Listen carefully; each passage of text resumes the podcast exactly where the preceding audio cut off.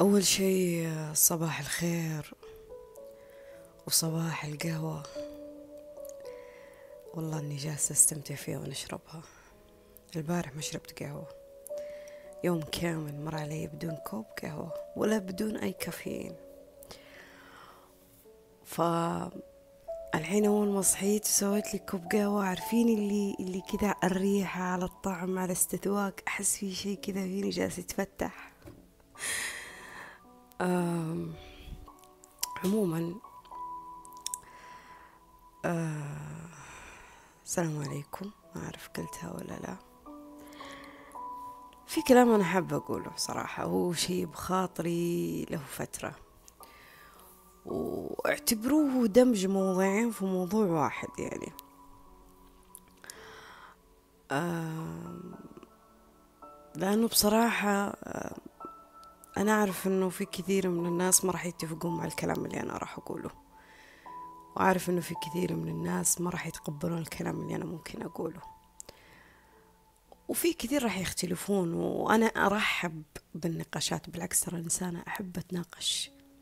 أحب أتناقش. يعني أحب أحد لما يقول لي لا يا فاطمة بس نظرتك في ذا الشيء غلط. أو ياخذ ويعطي معي في الكلام. فما عندي مشكلة في أي نقاشات أرحب فيها بصدر رحب. بس نقاش راقي.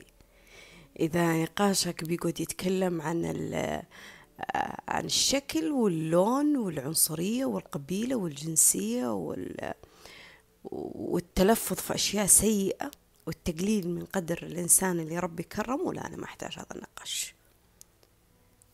معلش أنا آسفة على الكلمة لكن راح أصفك على جنب. لكن إذا كنتي أو كنت نقاشك آه، عن الفكرة نفسها. يعني أنت ما تناقش فاطمة كشك كشخص.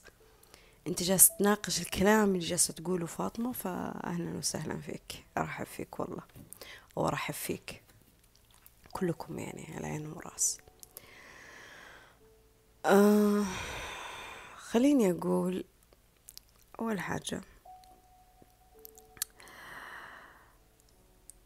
التفكير واحد من أبشع ال- الأشياء اللي ممكن البني آدم يسويها. وأنا ماني جالسة أتكلم عن التفكير بحد ذاته. يعني التفكير اللي أنا جالسة الحين وأشرب قهوتي وفي قدامي اللابتوب وفي موسيقى هادية جتني فكرة. لا. أنا أتكلم عن الإفراط بالتفكير. إفراط. عارفين إيش معنى كلمة إفراط؟ الإفراط اللي يخليك تتقيد في تفاصيل معينة مفروض إنك تعيشها في واقعك يعني مفروض إنك أنت الحين تعيشها بواقعك يعني مفروض إنك تقوم تطلع وتخلص شغلة عندك أو تمارس حاجة معينة في يومك بس مجرد ما تدخل في عمق التفكير على قولة ال- اللغة الإنجليزية deep deep deep deep كذا بالعمق بالعمق بالعمق بالعمق لما تدخل بالتفكير تنشل حركة الأشياء في يومك. يعني يا تتباطى يا تتكاسل يا تأجل يا تسوف يا مالك خلق يا فجأة آه، ينطفى فيك الشغف يا فجأة تكره كل حاجة يا فجأة تتذمر وتسخط وتخاف من كل حاجة. بسبة التفكير أو الفرط في التفكير. عارفين عللنا تمام الجسدية والنفسية. سببها الرئيسي يعني أو واحد من أسبابها الرئيسية الإفراط في التفكير. يعني أنا لما يكون عندي شدة في القلق والخوف والغضب هذا معناه أني أنا جالسة أسبح في فلك الأفكار. لأنه سبحان الله سبحان الله يعني التفاصيل ذي التفاصيل ذي تجر الأفكار مثل المسبحة. شايفين المسبحة؟ لما تمسك كذا بيدك مسبحة. تجيك أول فكرة. بعدها تبدأ تجر معاها سلسلة من الأفكار. ما توقف. تحاول تطلع من هنا تدخل في هنا تحاول تطلع من هنا تدخل في هنا هذا فرط في التفكير. بعدين الفرد هذا يتشكل على هيئة إيش يا فاطمة يتشكل على هيئة مشاعر. أبدأ أقلق أبدأ أخاف أبدأ أغضب أبدأ أحس بمشاعر عدم الراحة عدم الأمان عدم الطمأنينة. الكره. آه، مشاعر كثيرة أبدأ أحس فيها. الرغبة بالانتقام. مشاعر. الأذية الوحدانية العزلة. تبدأ كذا سيل من المشاعر تدخل فيه. المشاعر دي تبدأ تتجسد على هيئة إيش؟ يعني شوف فكرة جسدت على مشاعر تبدأ تتجسد على هيئة إيش بعدها؟ سلوك. تبدأ تنعزل عن الناس تبدأ تتجاهل اتصالات تبدأ تنام فترات طويلة أو تنغمس في الأكل بطريقة مبالغ فيها أو تحرم نفسك من الأكل أو آه، أو تتهاوش تتخاصم طول الوقت مع الناس اللي حولك على أقل سبب وأتفه سبب. تبدأ تحشر أنفك في في كل صغيرة وكبيرة أحيانا في أشياء ما لك دخل فيها يعني. تبدأ تدخل في مرحلة خليني أقول سلوكك يوضح قديش أنه أنت متدمر من جوا بسبب إفراطك في التفكير. تأجل أشياء مهمة وأولوية في يومك. تفرط في استخدام الأشياء المهمة في حياتك. آه، تنغمس في الأشياء الثانوية اللي أصلا ما لها قيمة ولا لها معنى. بس مجرد هروب من واقع صراع جالس تعيشه بين فكرك. وبين مشاعرك. وهذا النوع من الإفراط في التفكير مع الأسف يشيل حركتنا. يعني لما تقول لي أنا يا فاطمة أنطفى فيني الشغف أنا ما راح أقول لك أنت اليوم تهاوشت مع أهلك ولا تهاوشت مع أصحابك ولا آه، جاك رفض من موقع معين. لا. أنا واثقة أنه آه، تسعة بالمية خليني أقول من أصل عشرة بالمية. أن الشيء اللي أنت تحس فيه هذا سببه بداية فكرة أنت تمسكت فيها. ما تخلت عنها. أنت المفروض أنك تتخلى عن الفكرة هذه.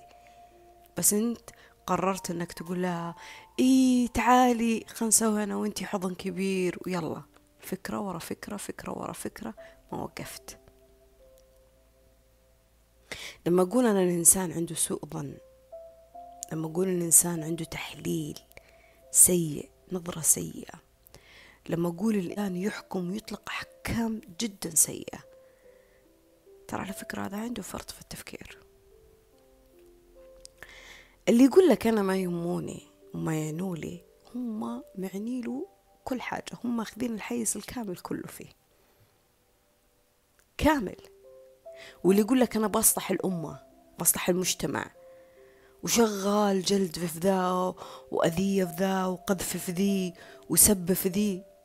وهو جالس يتأذى من جواه ويترجم ذا الشيء على هيئة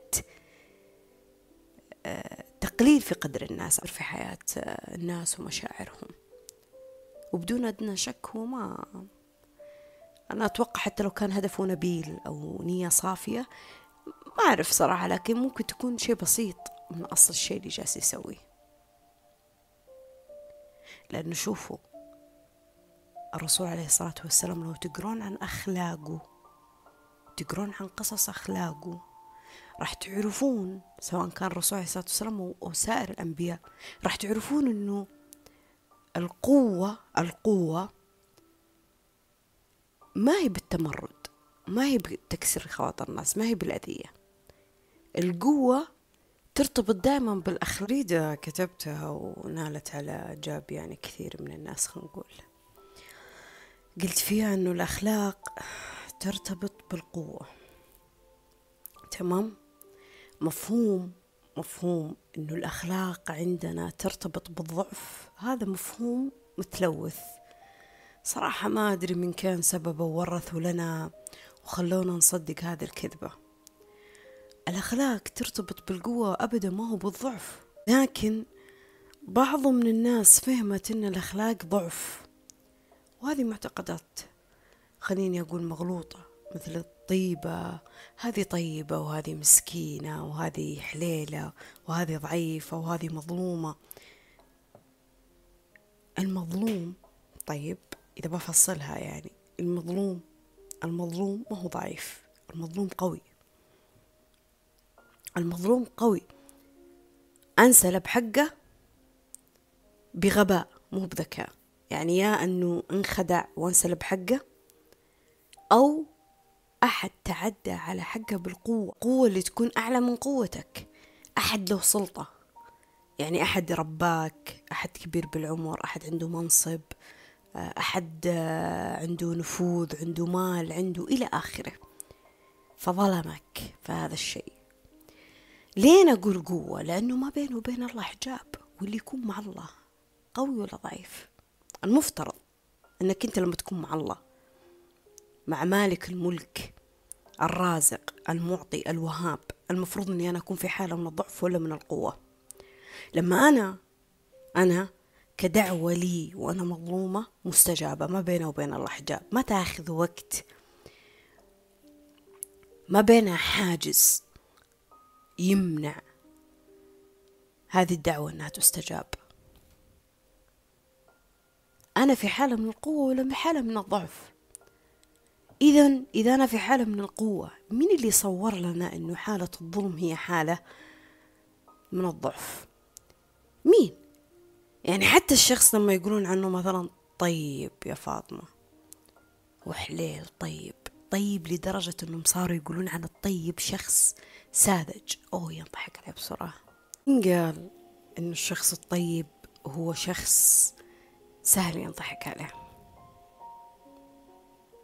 وأنا لازم أحترم و... وأضع حساب للشخص اللي متمرد أو صليط لسان أو عصبي أو غاضب عشان أتقي شره. هذه معتقدات مغلوطة ترى. هي اللي سب واحد من الأشياء اللي سببت ترى إرهاق في التفكير. لأنه تدخل في صراع بينك وبين نفسك. من فين أنا الدين اللي أؤمن فيه يدعو إلى التسامح وإلى الغفران وإلى الصفح وإلى العطاء وعلى وعلى المحبة والمودة وفشاء السلام. ومن فين من فين أنا جالسة أشوف الناس اللي تتشارك معي في نفس الدين. هم جالسين آه، يتعاملون أخلاق جدا سيئة. ومع ذلك أنا اللي مثلا أكون في مرحلة من الدين ما بقول أعلى لكن أكون أنا في مرحلة من الدين أعمق شوي. آه على الأقل من وجهة نظر الشخص نفسه. أشوف أموري تتعقد أموري ما تتيسر يا فاطمة أموري ما تمشي أشوف أوراقي تتعثر. ومن فين هذا الشخص اللي متمرد وساخط وعصبي و... و... وخملغوص وأموره مي تمام؟ أمور جالسة فاطمة تمشي. رزق ووظيفة وشهادة ومنصب وعلاقات اجتماعية وإلى آخره. فكرة هذا الشيء هو اللي زرع معتقد مغلوط عندنا. فصار الواحد يتنازل عن حقوقه عن واجباته عن أداء مهماته عن أولوياته عن احتياجاته عن أشياء الخاصة خاصة حقتك أنت المفروض اللي أنت تحافظ عليها في سبيل إنه يقولون عنه كريم شهم آه طيب حليل ما يرد أحد ممكن يعيش نفسه في ضيم في دين في قهر. في تعب في استنزاف في هدر في ضغط. وبعدين أقول ليه يا فاطمة تجيني إرهاق وتفريط في المشاعر؟ أو إرهاق في التفكير يا فاطمة. ليه؟ ليه أنا مصدعة؟ ليه أنا ماني قادرة أنام أو عندي أرق؟ ليه أنا أشياء في يومي ماني قادرة أمارسها بكل خليني أقول حب بكل سلام؟ ليه يا فاطمة؟ لأنه في معتقدات جدا مغلوطة. المعتقدات هذه المغلوطة هي اللي سببت عندك هذا النوع من الإفراط في التفكير. مع الأسف يعني.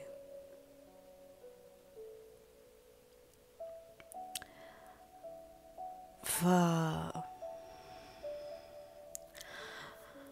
الإنسان اللي متبني نوع من الأفكار الموجعة أو المفرطة. لازم لازم لازم يهز دائرة المعتقدات اللي عنده. لازم تدخل في مرحلة من الشك في هذه المعتقدات. سواء كانت معتقدات على آه، جانب مادي يعني فلوس أشياء مقتنيات إلى آخره. أو كانت هذه المعتقدات على جانب مثلا آه، علمي آه، شيء تتعلمه أو جانب مالي تتوظف أو جانب روحي أو جانب جسدي. أي جانب من جوانب الحياة حتى لو كان من جانب النجاح والأسرة ومن ذا الكلام والعلاقات الاجتماعية. أنت أنت أنت لازم تجلس مع نفسك تمسك كذا ورقة وقلم وتاخذ مع نفسك جلسة طويلة. لأنه والله والله مهما مهما مهما مهما مهما حاول أحد أنا غيري إنه ننفض أو نغير أو نهدم هذه المعتقدات فيك ما راح نقدر إذا أنت ما مسكت أول خيط موجود فيك وأنت تدري وش هو. على فكرة دائما أقول هذا الشيء حتى في استشاراتي. أنا أنا مو سبب للعلاج. أنا سبب ممكن لنور للفت انتباه لملاحظة للحظة إدراك أنت ممكن تلاحظها بس. شيء ممكن يخليك كذا آه، يفتح منافذ فيك كنت تتوقع أنها مغلقة كنت تتوقع أنها مغلقة. بس أنا هنا كذا أساعدك. يعني كأني أنا أقول لك اسمع ترى الحياة في واحد واثنين وثلاثة وأربعة. اطلع من زاوية الرقم الواحد بس اللي أنت متمسك فيه. بس ما أقدر أقوم في ذا الشيء بالحالي. ما أقدر إني أنا أسوي ذا الشيء آه، غصبا عنك. ما أقدر. ما أقدر إني أفرض عليك هذا الشيء. ما أقدر أكرهك على هذا الشيء. ولا أقدر إني أنا أنوب عنك فيه. ولا أقدر حتى إني أساعدك. آه، المساعدة الكافية في إنك تكشف حقيقة هذه المعتقدات. أنا ممكن أكون زي أداة. أداة. أداة ممكن تساعدك بعد الله بعد الله في إنك تثير الدهشة والتساؤلات حول الأشياء اللي تمر فيها في يومك. بعيد بعيد كل البعد. عن ارتباطك في الأشياء اللي حولك. مع إني أدري إنها تأثر لكن بعيد كل البعد عن ارتباطك فيها. يعني أنا أبغاك تتجرد من اسمك من علاقاتك من من مكانتك من الأشياء اللي عندك. أبغاك تكون أنت كروح. هي أنا أسمعك. فضفض تكلم. لا تكتم. لا تكتم. الكلام بحد ذاته ممكن يساعدك أنت من نفسك تشوف الأخطاء. وقف فرط التفكير هذا. الصراعات اللي جالسة تصير في الداخل هذه جالسة تصير لأنها مي جالسة تتجسد على الخارج. مي جالسة تسوي قسمة بينك وبين أحد فيها. لما الشخص يكون ما عنده أحد يتكلم معاه ما عنده أحد يفضفض له ما عنده أحد يقاسمه الشيء اللي يحس فيه. أحد يقاسمه بالفكرة اللي تيجي في دماغه. إيش يصير فيه يا فاطمة؟ يدخل في فرط من التفكير. فرط من التفكير هذا يوصله لإيش؟ إنه جسمه يطلع أشياء خارجية. إيش هي يا فاطمة؟ أمراض. أمراض. جسدك يمرض. نفسيتك تمرض. وكأنه يقول لك جسمك هي انتبه لي أنا هنا انتبه لي. جالس تضغط علي. تضغط علي بذي الأفكار انت جالس تنجرف. تنجرف وكأنك ترفه الفكرة. إيش تعرف إيش معنى كلمة ترفه؟ كأنك تقول لك أوه يلا أنا أنا مبسوط إنها جتني فكرة سيئة. يلا يلا كملي كملي. جيبي لي سلسلة من الأحداث السيئة. مع الأسف. فأول حاجة أنا قلت لك قلت لك معتقدات. معتقدات ممكن تكون هي واحدة من الأسباب اللي سببت لك فرط في التفكير. المعتقدات هي اللي ممكن تخليك النقطة اللي في الخارج تشوفها في دماغك دائرة كبيرة. معتقدات إيش فاطمة؟ ماني فاهم عليك. إيش يعني معتقدات؟ يعني أفكارك مرتبطة بأحداث معينة أنت تبنيتها كمعتقد كشيء أساسي. برضو فاطمة أنا ممكن ما فهمت عليك. في ناس كذا صدق يجوني يقولوا لي ما فهمت عليك. حلو. أنا أحب إني أدخل في العمق في التفاصيل. يعني مثلا آه مثلا أعطيك مثال بسيط. يعني مثلا تصحى الصباح تشرب قهوة. تمام؟ زي أنا بداية مقطعي قلت لكم إني أنا سويت لي كوب قهوة. تصحى الصباح تسوي كوب قهوة. أنا متبنية عندي معتقد. معتقد إنه أنا لما أصحى الصباح وأشرب كوب قهوة أحس بنوع من الروقان أحس بنوع من النشاط أحس بنوع من الإنجازية. أنا بيني وبين نفسي متبنية هذا المعتقد. المعتقد حقي صحيح مية بالمية؟ لا. المعتقد حقي كل البشرية تسويه لا. المعتقد حقي كل البشرية تحبه وتآمن فيه؟ لا. مو بالضرورة. طيب في ناس يا فاطمة تآمن في ذا الشيء وتصدقه؟ إيه صح. فيه. في ناس حقين القهوة الساخنة اللي يحبون القهوة واللي آه، يتغزلون في القهوة في ناس. لكن برضو في ناس ما ما يقدر يصحى الصباح ولا آه، أول ما يصحى من النوم يسوي له كوب قهوة. وأعرف ناس كثير ترى على فكرة يشربوا قهوة بس ممكن في الأسبوع يشرب كوب كوبين. يعني مي مي الشيء الأساسي اللي في يومه اللي هو لازم يسويه ويشربه ترى. معناه إنه أنا صح وهم غلط هم غلط وأنا صح؟ لا. كل واحد فيهم متبني معتقد. أنا متبنية هذا المعتقد. هم متبنين معتقد ثاني. يمكن هو يشوف الموية ولا الشاهي ولا عصير طبيعي هو أهم حاجة يبدأ فيها صباحه أو يمكن الفطور. يمكن ما يفكر ما يفضل إنه يشرب حاجة ترى. هذا معنى كلمة معتقد. معتقد إنه عندي عندي آه، أفكار اتجاه الصحة مثلا. مثلا أفكها على ورقة وقلم عشان أعرف إيش هي معتقداتي من ناحية الصحة. إيش هي معتقداتي من ناحية العلاقات؟ إيش معتقداتي من ناحية الزواج من ناحية الحب من ناحية الصداقة من ناحية العلاقة بأصحاب العمل من ناحية العلاقة بالغرباء من ناحية علاقة أصدقاء إلكترونيين على مواقع التواصل. معتقد أفتح كل يوم مواقع التواصل. إيش المعتقد اللي أنا متبنيته من مواقع التواصل؟ إيش إيش الشعور اللي تعطيني إياه؟ إيش هو؟ الألفة الانتماء البحث عن الذات. الإرضاء إعجاب الناس انبهار الناس. أكيد أكيد في شيء. أنا ما أصحى من نومي وأفتح الجوال. أكيد إنه عندي معتقد أنا متبنيته. بس ساعات الشخص يمارس أشياء يحس إنه فاطمة عادي أنا تعودت على كذا. إيه شفت الشيء اللي تعودت عليه هذا اللي هو روتين في يومك اللي خلاص تخزن في عقلك الباطن هذا معتقد. لما يأذن الأذان الله أكبر. ما في شخص يجي يقول لك اسمع أنت لازم تتوضأ ولازم توجه للقبلة ولازم آه، تبدأ تصلي وتقرأ الآية كذا وتسجد وكذا وتركع في كذا. لا خلاص. عقلك الباطن اللي متبني فكرة الصلاة بحد ذاتها بحكم العادة صار هو المتحكم. خلاص انت انت تمارس الصلاة الصلاة كروتين عادي في يومك. وأنا أقول عادي مو تقليلا في شأن الصلاة طبعا لا بس أقصد إنه شيء خلاص أنت تعودت عليه كجسد كنفس.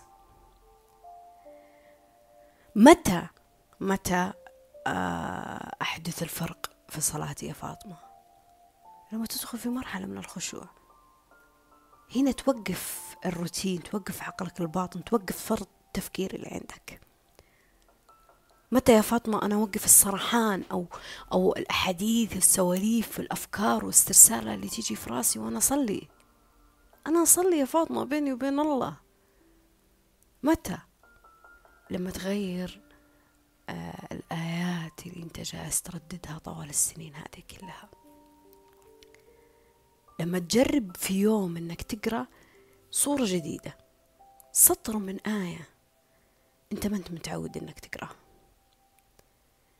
كل ما فيك ينتبه ويركز.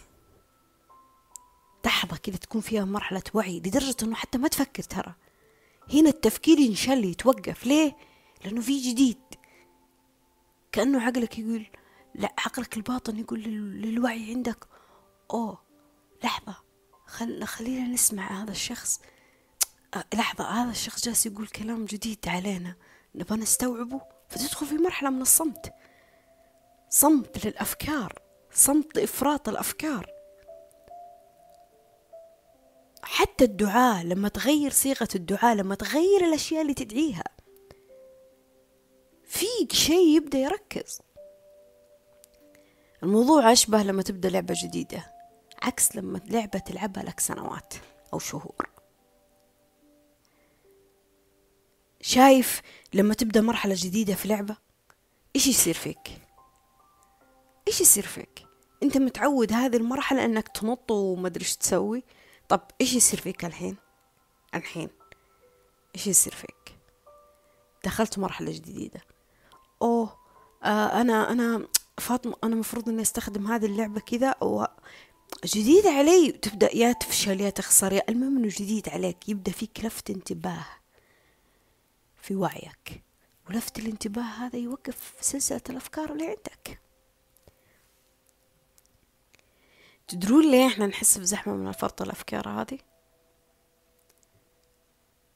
لأنه إحنا منا جالسين نسوي لفت انتباه جديد لوعينا.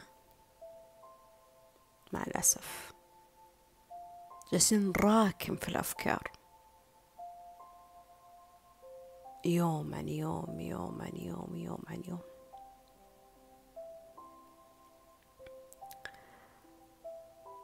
أنا كنت أبي أتكلم عن موضوع لكن الظاهر إنه هذا الموضوع راح أخليه مقطع لحاله. عشان كذا أنا قلت لكم في بداية المقطع إنه كلامي ما راح يعجب كثير من الناس.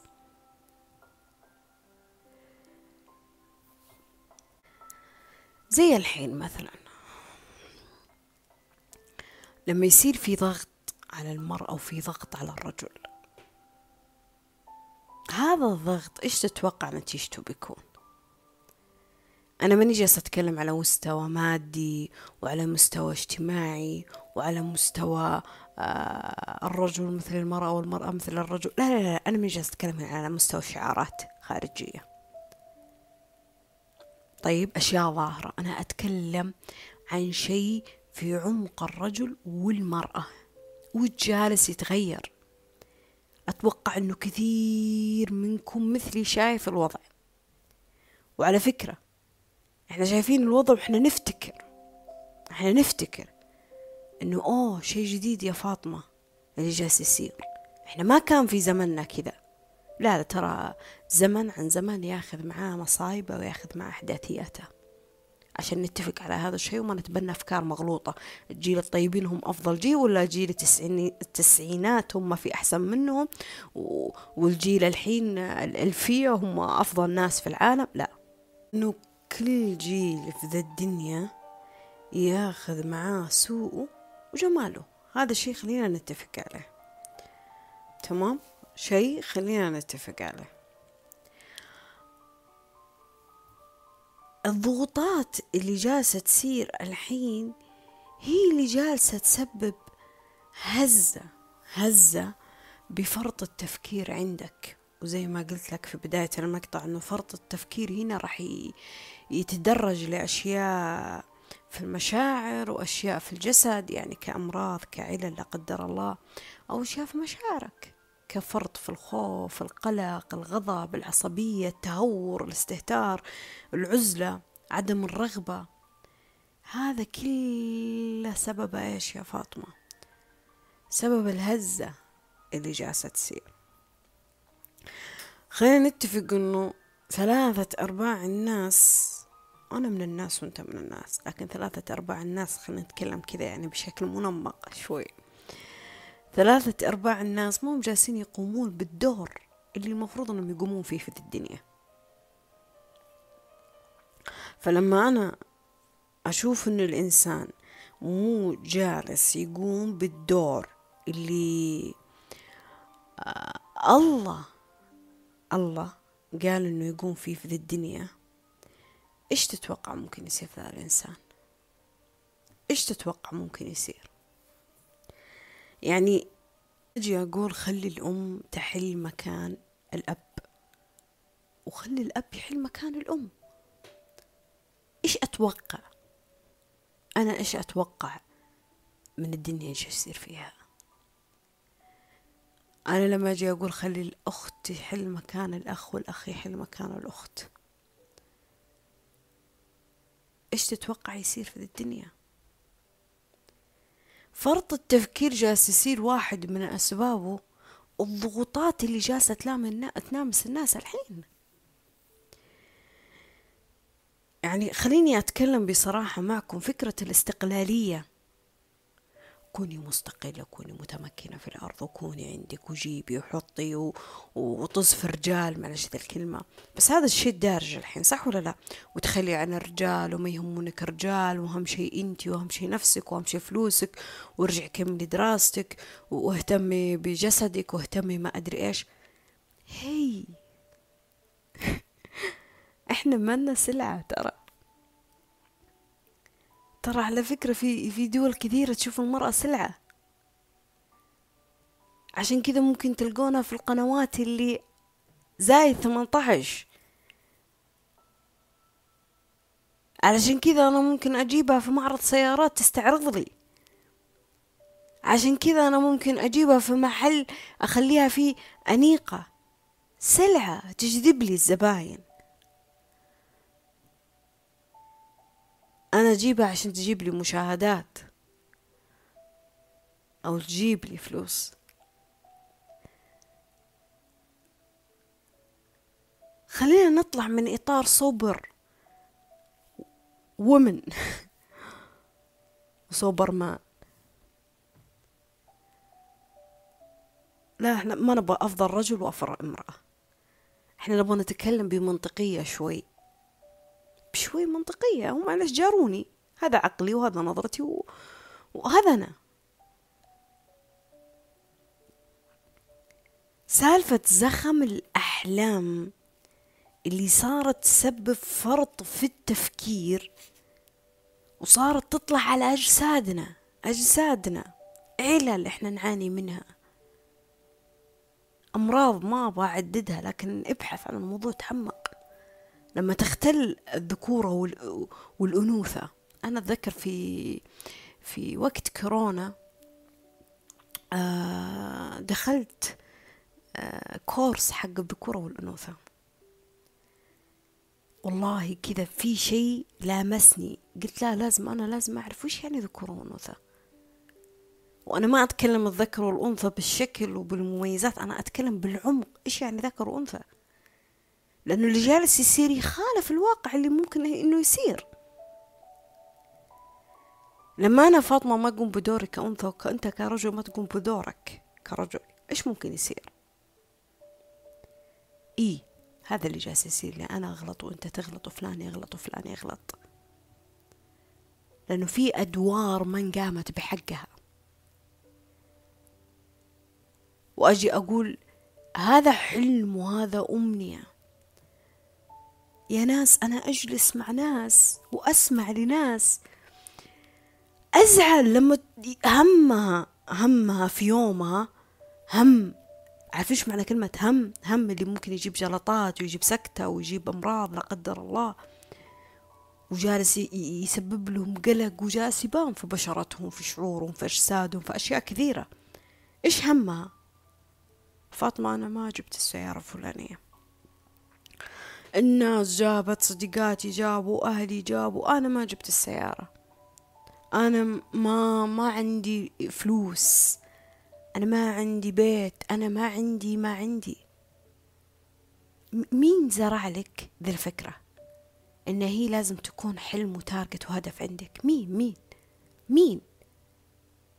مين قال لك إنه إنه أنت بلا قيمة؟ إذا ما جبت البيت والسيارة والوظيفة والشهادة مين قال؟ من اللي أوهمك؟ من اللي أوهمك إنه الماديات هذه اللي تعطيك قيمة وأنت بدون قيمة لما هذه الأشياء ما تكون موجودة. وكأن الله ما كرمني ولا كرمك. ترى اللي جالس يسير يسير هو مدروس. أنت تفتكر إنه أوه صدفة صرنا متطورين وصرنا عندنا وجبنا وحطينا. لا لا ترى هو شيء مدروس. مدروس في الإعلانات مدروس في التسويق مدروس في مواقع التواصل مدروس في, في التعليم في الإعلام. حبة حبة حبة حبة إلين ما أقنعك إنه لازم تكونين أنت سيدة مجتمع. بس أنا أمزح مع واحدة من صديقاتي وش أقول لها؟ أقول لها هم جالسين يضغطون علي عشان أكون أنا بزنس وومن هي تضحك. تقول تحسين قلت إيوه عشان كذا هم جالسين يعقدون شروط الوظائف لأن هم يبوني أنا أكون سيدة أعمال. هي استغربت أنا لمست في هذا الشيء. هي استغربت ليش أنا آخذ الموضوع بفكاهة بمزح مو بجدية. لأنه المفروض أنا لما باخذ شيء بشكل جدي وهم وغم المفروض يكون دين المفروض يكون حزن على وفاة المفروض يكون آه حاجة مرة كبيرة. لكن كأحلام أدري إنها بتغير حياتي وحياتك. بس أخذها بهذا الفرط من التفكير. هذا ضغط غير مسبوق. هذا ضغط غلط أصلا. أني أنا أجرد البنت من أنوثتها أجردها من الحنية اللي فيها. أجردها من الشيء المميز اللي فيها وأخليها تقوم بدور مو دورها مو دورها. في سبيل إني أنا أبغاها أصفق لها أوه أنت إنسانة قوية شجاعة. جالسة تسوين هذا كله. لا هي مي قوية ولا شجاعة هي جالسة تتخلى. عن أهم أشياء ومشاعر موجودة فيها. لاحظوا أنا ماني جالسة أقول إنه المرأة هي بالمكياج المرأة هي بقلة الأدب. لا لا. والتجميل والأشياء ذي لا. لأنه هذه الأشياء أعتبرها جمالية. مكملات. عارفين إيش معنى كلمة مكملات؟ مكملات. تزيد البني آدم جمال. ما عندي مشكلة فيها أنا. لكن ما هي ما هي اللي تقيم الأنوثة. حلو؟ هي اللي تقيم الأنوثة؟ أبدا. لكن اللي يحطها يبغى ها يزيد جمال وجمال. لكن اللي ما يحطها معناته إنه قبيح؟ لا مو قبيح. معناته انه هي مي أنثى؟ لا ما لا دخل حتى لو كان في في فكرة مغلوطة سببت هذا الضغط بعض من البنات. صار في ضغط. خلينا نعترف في ضغط. المرأة تطبخ المرأة آه، تعمل المرأة معلمة المرأة حنونة المرأة الأم المرأة مستقلة المرأة عندها المرأة آه، ذكية المرأة. هي كأنكم توكم تستكشفون المرأة ما كان المرأة كانت موجودة من أول. الوقت اللي أنا أبدأ أهز الرجل. أهزه. تعرف إيش معنى كلمة أهزه؟ أهزه. فأشياء أساسية مفروض إني أسويها. يعني أنا مثلا لما يكون مفروض إنه أبويا ولا أخويا سندي ولا زوجي مثلا يكون سندي صار العكس أنا اللي سندهم. وأحسس المجتمع أو الدائرة بعبارات وشعارات يعني غبية. معلش أنا أسفة هذه الكلمة لكن شعارات ما لها من الصحة. في سبيل إنه إنه لا أوه أنت شجاعة. هم, هم الناس معتمدة عليك يا بنت إيش بك؟ فأقلل من شأنهم. وبعدين أزعل أقول ليش الرجال سادح في المجلس؟ ولا ليش الرجال جالس يسوي أشياء أنثوية ولا ليش الرجل الرجل صاير هش؟ وأنا هنا أقصد في كلمة هش مو معناه أن الرجل ما يبكي وما عنده مشاعر. لا طبعا. الرجل يبكي وعنده مشاعر لكن أنا أقصد هش من ناحية الواجبات الأساسية اللي مفروض هو يسويها في الحياة. فكرة إني أنا أكون مستقلة. ما أطلب عون أمي ولا أبوي ولا أخوي ولا زوجي ولا أي رجل في الدنيا. وأشوف إنه عملي ولا دراستي ولا شهادتي ولا سيارتي ولا فلوسي في البنك هي الشيء الأمان في ذا الدنيا والأساسي. هذه فكرة مغلوطة ترى. هذا اللي جالس تعبك هذا اللي جالس تعبك لأنه إحنا في ارتباط روحي بيننا وبين الناس اللي إحنا معاهم في علاقات اجتماعية. أب أخ زوج في ارتباط في مشاعرنا معهم. فما ينفع أنا أجي أحارب المجتمع فيها وأقول هي مستقلة استقلي عنهم. كيف استقلي عنهم؟ من فين أنا أبغاها تستقل عنهم؟ من فين أنا أبغاها تتزوج أبناء؟ من فين؟ من فين أنا أكرههم في بعض وأنفرهم من بعض؟ ومن فين أنا أبغاهم آه، في نهاية اليوم ألف مبروك ومبروك ما جاك. كيف؟ إيش التناقض ذا اللي جالس يصير؟ بعدين يجي شخص يقول أنا عندي فرط في التفكير فاطمة ما ماني قادرة أوقف تفكير. من الشيء اللي أنت جالس تشوفه من الشيء اللي أنت جالس تقيد حياتك فيه وتتقوقع فيه.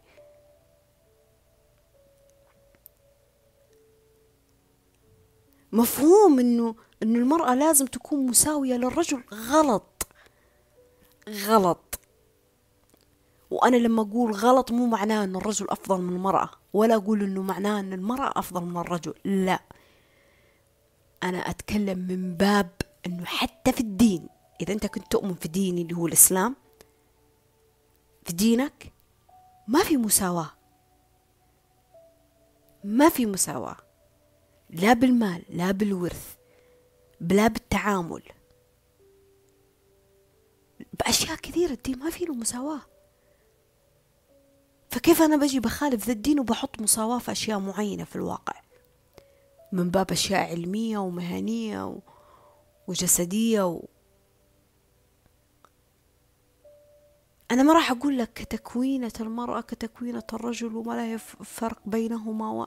لا أنا أتكلم من باب إنه في أدوار في الحياة أساسية ما ينفع تتشابك وتتخالط. عشان كذا هي لما تتشابك وتتخالط يصير فينا اللي جالس يصير لما واحدة ما تلقى الأمان في بيت أبوها. ما تلقى أمان بسبب أخ أحمق. جالس يقمع يقسى يضغط على أنوثتها إيش إيش يصير فيها؟ إيش تتوقع يصير فيها؟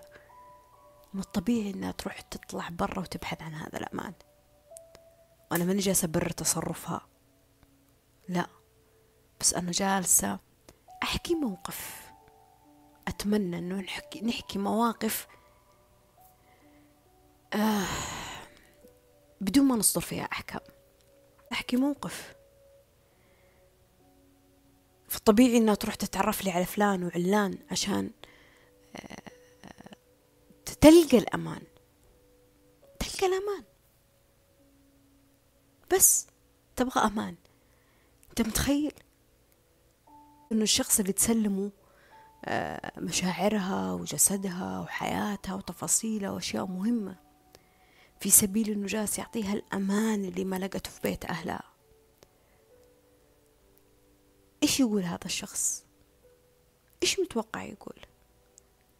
يقول والله هي غبية أو هي ساذجة أو هي صار ينضحك عليها هي كيف وثقت فيني كل الثقة كيف آمنتني؟ لا هي مي غبية. هي مي غبية.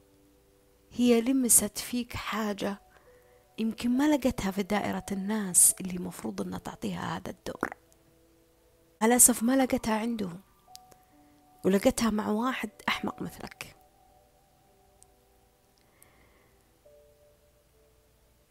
لما يجي شخص سواء كان ذكر ولا أنثى يروحون للأشياء اللي غير الفطرة. ليه طيب؟ سيبك من حلال وحرام و... واضطراب. ليه طيب؟ ليه؟ ليه أنا لما أدور حضن ولا أدور أمان ولا أدور دعم مادي ولا أدور دعم آه، في حياتي في علاقة مع أنثى مثلي مثلا أو في علاقة مع رجل غريب عني وفي ارتباط رسمي. ليه؟ إيش اللي يحدني أني أنا أسوي شيء زي كذا؟ وكلها ترى تراهات. معليش أنا آسف أدري كلامي راح يصدم كثير من الناس لكن كلها ترى تراهات نسميها حب لكن هي مي حب. هي مي حب هي عذاب. وجع. عشان كذا نقول العلاقات ما تدوم والبدايات أجمل و... وندخل في السيناريو هذا الغبي. وبعدين لما تجي واحدة وتتزوج ويكون زوجها إنسان كويس وتسحب على ذيك العلاقة المغايرة بعدين يجي شخص آه، تجي إنسانة تقول والله هي آه، سحبت علينا عشان زوجها. لا هي ما سحبت عليكم عشان زوجها. وصدقوني مو بكل الأزواج يجي يقول لزوجته اسمعي اتركي صديقاتك مو كلهم. لكن هي لقت هنا الشعور اللي كانت تبحث عنه هناك فاطمأنت هنا. وقفت هنا. فخلاص طب العلاقة شبه آه، محدودة مع الناس اللي, اللي كانت عميقة معهم في العلاقة. لأنها خلاص مصدر الاكتفاء والأمان لقته هنا بطريقة صح. نوعا ما. الضغط ذا هو اللي مسبب ذا التعب.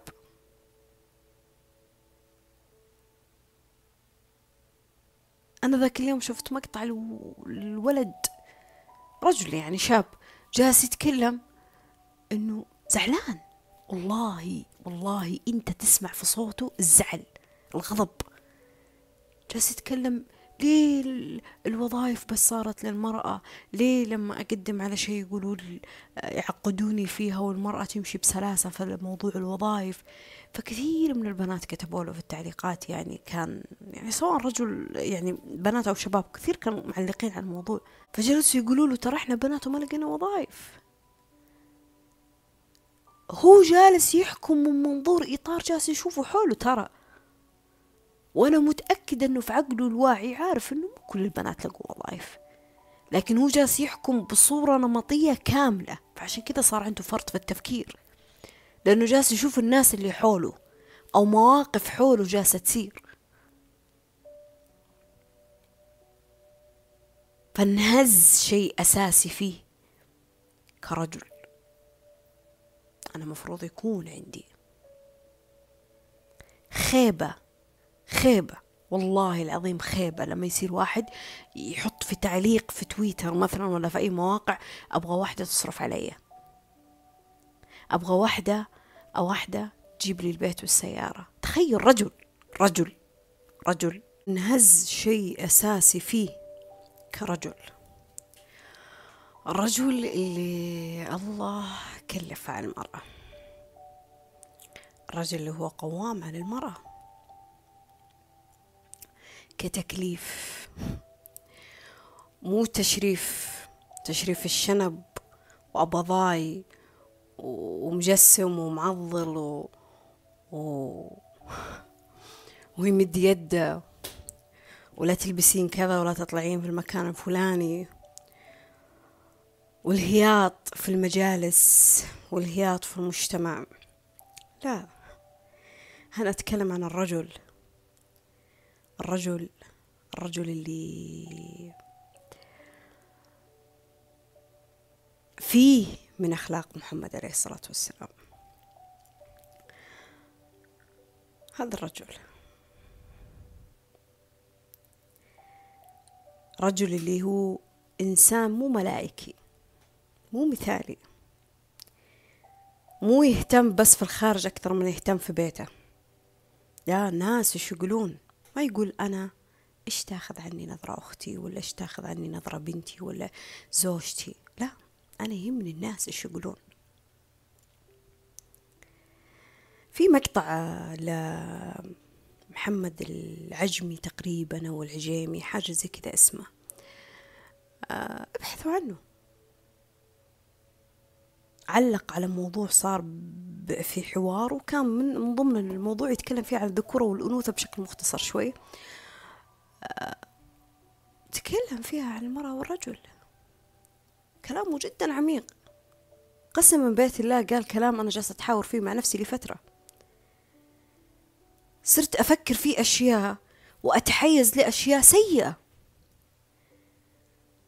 جتني فترة عندي غضب من ناحية الرجال. ليه طيب؟ ليه؟ وجتني فترة كان عندي غضب من ناحية الناس اللي حققت إنجازات وأحلام. طيب ليه يا فاطمة؟ ليه؟ جلست كذا مع نفسي أبغى أعرف ليه؟ ليه يا فاطمة؟ إيش اللي مزعلك؟ إيش اللي اللي إيش اللي مضايقك؟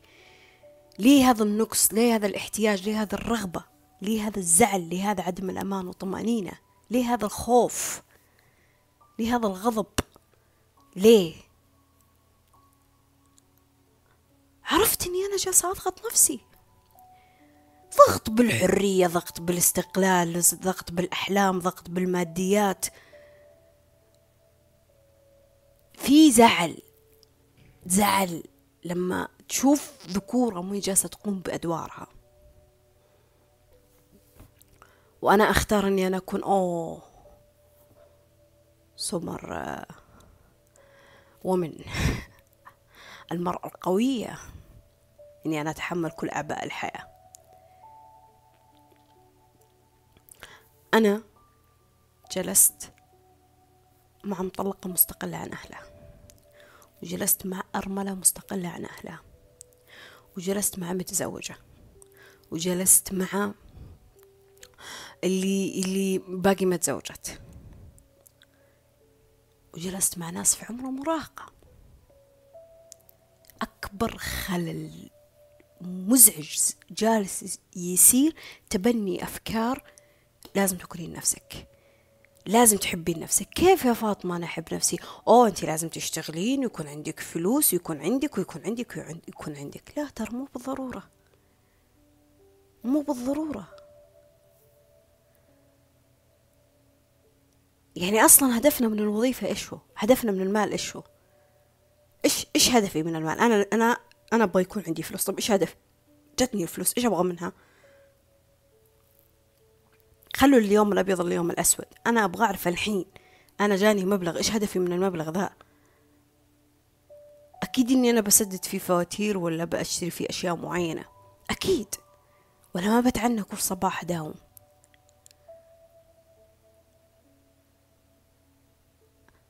أنا أدري إنه في بعض منكم راح يقول طيب إيش نسوي؟ يا فاطمة يعني نجلس في بيوتنا نستنى حال الرجل يتعدل إنه هو يقوم بدوره معانا. لا. لا. ندري إنه إحنا مضطرين نتعلم. مضطرين آه نتوظف. ومضطرين نستقل ماديا. ومضطرين إن إحنا نقوم بدور آه الأمومة وبدور أشياء ثانية. في سبيل إنه في التزامات في الحياة لازم نسويها. والله العظيم البنات اللي قلت لكم عنهم اللي جلست معهم.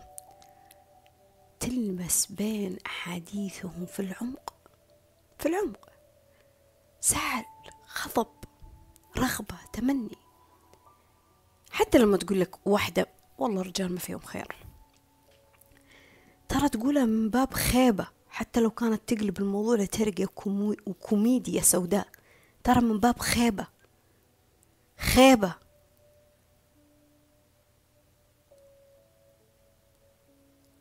فبيك تستوعبين إنه ضغط الاستقلال والتمكين ترى اوفر ترى انت ما انتي خارقة شيء مرة عالي. وشيء فيك راح ينهز. ينهز لأنه في شيء اسمه ذكورة وأنوثة. وفي داخل كل ذكر أنثى وفي داخل كل أنثى ذكر. إيش اللي يطغى عندك؟ هنا الكلام. أنا سألت واحدة من البنات تسوق سيارة. قلت لها أبغى أعمق شعور بكلمة واحدة تجيبي لي إياها. أول ما سكتي السيارة كذا جلستي. سواء كان في في في مدرسة التعليم ولا لما اشتريتي سيارتك الشخصية. أبغى أول شعور حسيتي فيه وانت جالسة في خلف الطارة وحاطة الحزام وشغلتي السيارة. إيش الشعور اللي جاك؟ إيش تتوقعون الشعور اللي جاها؟ القيادة قد حسيت يا فاطمة إني أنا مسيطرة على حياتي حسيت كذا بنوع من الاعتمادية على النفس بنوع من الاعتماد على النفس بنوع من القوة نوع من الشجاعة إني أنا ماني بحاجة لأحد ليه؟ ليه ما أنت بحاجة لأحد؟ مين قال إنك أنت ما أنت بحاجة لأحد؟ للأسف معتقدات. يعني بدل ما أنا أفكر إنه القيادة هي وسيلة تساعدني بدل ما أدفع فيها تكاليف سواق ومصاريف عشان أروح مثلا دوامي ولا أروح آه، سوق ولا أروح دراستي لا. وكوسيلة أمان إنه بدل ما أركب فيها مع شخص غريب ما أعرفه أنا أصير أروح وأرجع مع نفسي. لا.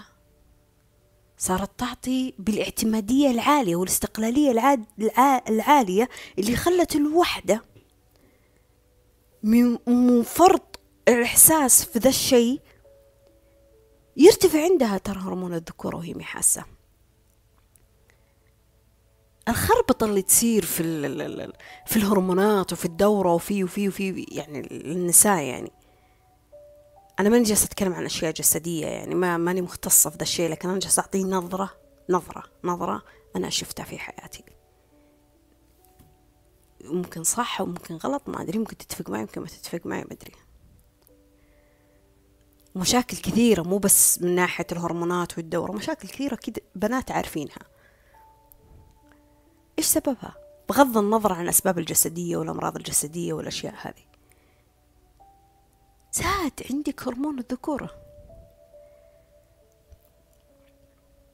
فكاني أنا جالسة أقول لا أنا ماني بحاجة لحمل ماني بحاجة لولادة ماني بحاجة لزوج لجنس لعلاقة حميمية لحب لانتماء لرغبة لصديقات. أنا بحاجة لنفسي. أنا نفسي. وما يعطيك إلا نفسك ونفسك أهم من كل حاجة والناس كلهم سيئين. إيش إيش المعتقد الغلط ذا هي! الله ما نزل آدم لحاله ولا ما نزل حواء لحالها. الله ما قال قال جعلناكم شعوبا وقبائل لتتعارفوا. رجال نساء أطفال كبار في السن ناضجين واعين.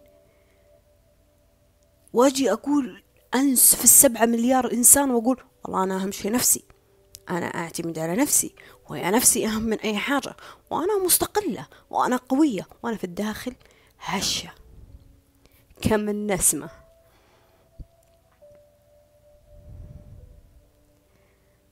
ما قالت آه، نوال الكويتية قاوم هبوب العاصفة قاوم هبوب العاصفة. إيش تبغوني أنا أكون مستقلة وعندي فلوس ومستقلة وعندي أفكار وعندي حرية وعندي وعندي وعندي وعدم اعتمادية على الناس ومن الكلام الفاضي. قاوم هبوب العاصفة وهدته نسمة. نسمة! والله أرواحنا أرواح أطفال. إيش لا يغرك. الشنب ولا يغرك الجسم ولا يغرك القوة ولا تغرك. ولا تغرك. الصوت العالي ولا يغرك غضبها ولا يغرك قوتها ولا تحملها. أطفال إحنا في دواخلنا أطفال. قاوم هبوب العاصفة وهدتها نسمة. نسمة رقيقة ظالمة ما في قلبها رحمة. أطفال أطفال. يمكن إحنا فترة بس تعودنا فيها على الكبت. تبين ضعفك. عيب تقول أنا محتاج.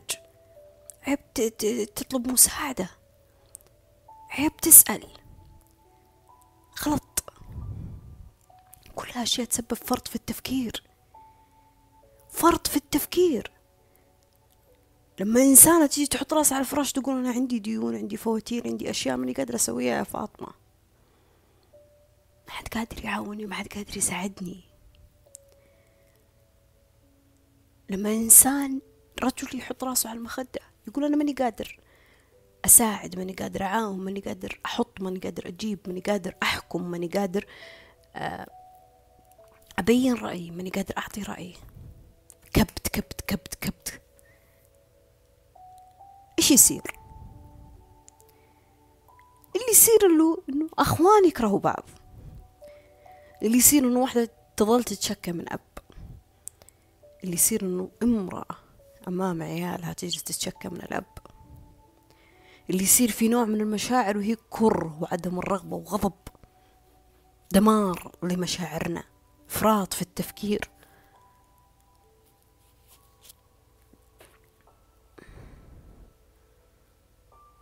تخيل معي أول امرأة مرت على رجل. من هي؟ من هي؟ اللي أعطاها من عمره وعاش معاه فترة معينة. قبل ما يشوف نساء العالم. من هي؟ وأول رجل مر على المرأة. قبل ما تشوف رجال العالم. قبل ما تعرف زوج و... وأصدقاء في العمل وسواق وعامل بقالة. من هو؟ وأخ من ذا الكلام.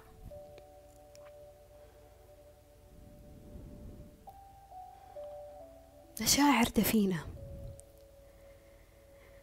دفينة. هي اللي سببت لنا فرط في التفكير. سببت لنا ضغوطات في أشياء لك الله أنه أنا أجلس أحاول أتحرر منها. وأتمنى الروح يروحكم السلام في التحرر منها. لأنها حقيقي تقتل تضغط. جالسة تعطينا مشاعر أتمنى أني أنا أتخلص منها. ما أبغاها تسيطر علي. لا لا لا.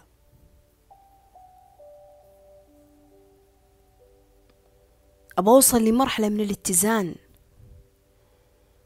اللي فيه ما أقلل من دور الرجل ولا أقلل فيه من دور المرأة اللي هو أنا. اتزان. الاتزان بعيد عن الملائكة والمثالي والكمالي اتزان. اتزان إني أنا لما أشوف إنه كل إنسان عنده حقوق وواجبات وأدوار في الحياة.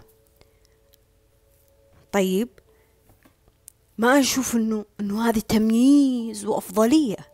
بقد ما إني أنا أشوف إنها طبيعية. لأنه مثل ما الله وضع فيه واحد واثنين وثلاثة أنا كمان الله وضع فيني واحد واثنين وثلاثة. مثل ما الله مكن في أشياء أنا أكيد الله مكنني في أشياء. حقيقة المساواة في كل شيء كذبة. خلتنا نروح ندور على سند وأمان ودعم وحنان ولطف ومشاعر في أماكن غلط. خلنا نعترف في أماكن غلط. في الغالب هي أماكن غلط. من قصص أفلام ولا روايات ولا مسلسلات ولا مشاهير إحنا نتابعهم ولا بثوث في التيك توك ولا آه، في علاقات ما أدري كيف ولا حتى في تصرفات مجنونة ممكن تودينا للتهلكة شخص كذا يبغى يموت الخلايا اللي فيه يسلك سلوك المخدرات والأشياء هذه. على الأسف سواء كرجل أو امرأة يعني. ما في اتزان. ما في اتزان.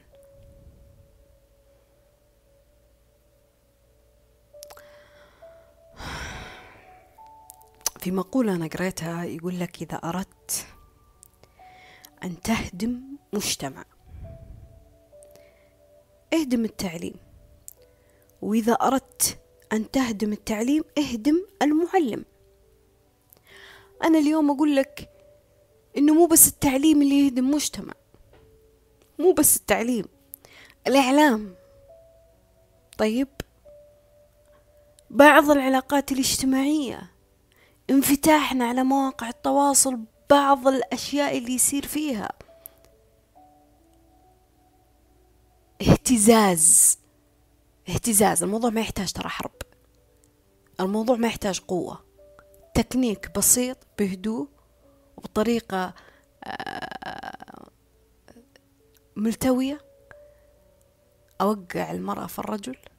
وخربط الدنيا ما بينهم خلاص أنا هدمت أهم أساس ذا المجتمع اللي هو الأم والأب. خلاص. لأني يدري إني أنا لما بهز في الأم والأب أنا راح أوصل للأبناء والأخوات و و إلى آخره. والموضوع ترى بسيط ما يحتاج عملية جدا عميقة لكن يحتاج كذا تكنيك بسيط. خطوات بسيطة.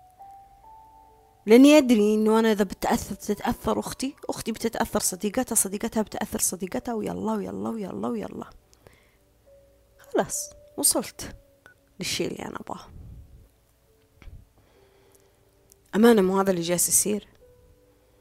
الهوشات اللي جالسة تصير وش هي؟ وش هي الحين جالسة تصير؟ كل واحد فيهم يبغى يبين إنه عنده القوة والإثبات وأنه سعيد من غير الثاني بشكل أكثر. ومستقل ومستغني عن الثاني بشكل أكثر. يعني في شيء يضحك ترى. يعني والله يضحك ويحزن في نفس الوقت. يعني مثلا مثلا مثلا مثلا. أسف آسفة يعني على العمق شوية بالكلام. لكن مثلا يجي شخص يقول لك الزواج والكلام فاضي و... وأنا ماني قد الزواج. طيب هو آخر الليل جالس يكلم خويته ولا المزة حقته. طيب هي أنثى.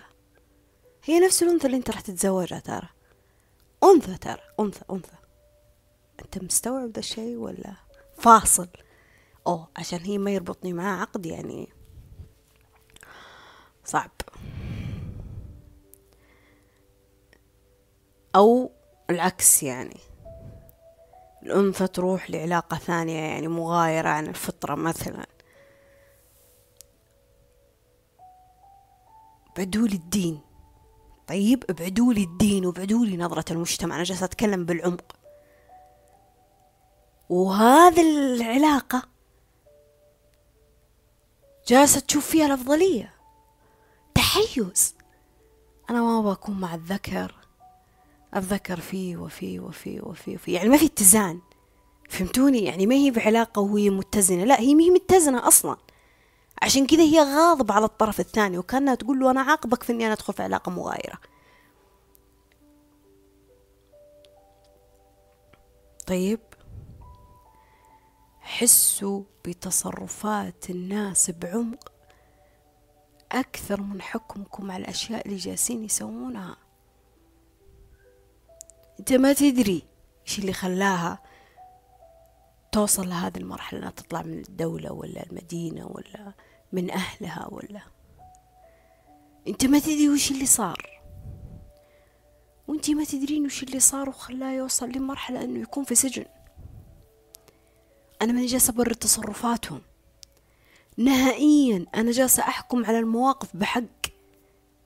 بس ولا أني جالسة أقول هنا أوه نستسلم لهذا الشيء ويلا نعذر الناس وخلي الناس تعث في الأرض فسادا. لا. لا. بس أني أنا بقول لك إنه مو كل الناس تقدر توصل لمرحلة من الوعي تغير نفسها ترى. مو كل الناس عندها الروح ولا النفس إنها توصل لهذه المرحلة. في ناس خلاص تظل في الفساد حقها إلى إلى ما لا نهاية. خلاص. كذا هي تبغى تكون وهذا الشيء يسبب ترى فرط في التفكير. على فكرة هدم الشيء أسهل من بنائه هدم الشيء أسهل من بنائه أسهل أسهل أسهل بشكل ما تتخيل. شوف الزواج. تكاليف وقروض وقاعة ويلا وفلانة. وزحمة وخ... زحمة وحفلة ودنيا.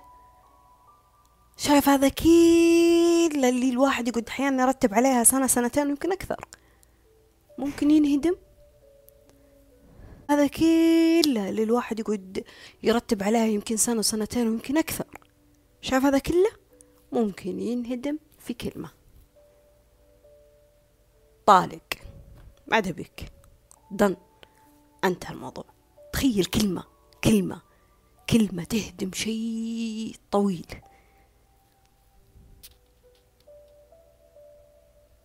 عندي شغل اليوم ما أبغى أروح. كلمة. حطيت راسي ونمت. هدمت شيء طويل اللي هو مفروض أروح وثمان ساعات وأشتغل وأخلص شغلي وأرجع البيت وأخلص مهام. وبعدين ما يجيني خصمية نهاية الشهر. البناء مو سهل. طيب البناء مو سهل. مو سهل. أرجوك افهم ذا الشيء. إنك تبني عادة تبني فكرة تبني معتقد جديد تبني عادات جديدة إنك تغير حاجة. شيء مو سهل. إيه يحتاج صبرك ويحتاج جهادك يحتاج وقتك يحتاج آه، تفهمه يحتاج تحتضنه يحتاج تتعامل مع مشاعرك بين غضب وبين زعل وبين لك خلق وبين ما لك خلق إلين ما توصل للمستوى اللي أنت تبغاه. لكن إذا تبغى تهدم شيء ما في أسهل منها ترى. أبواب الحرام ما في أسهل منها. حلو؟ خلنا نكون واضحين شوي.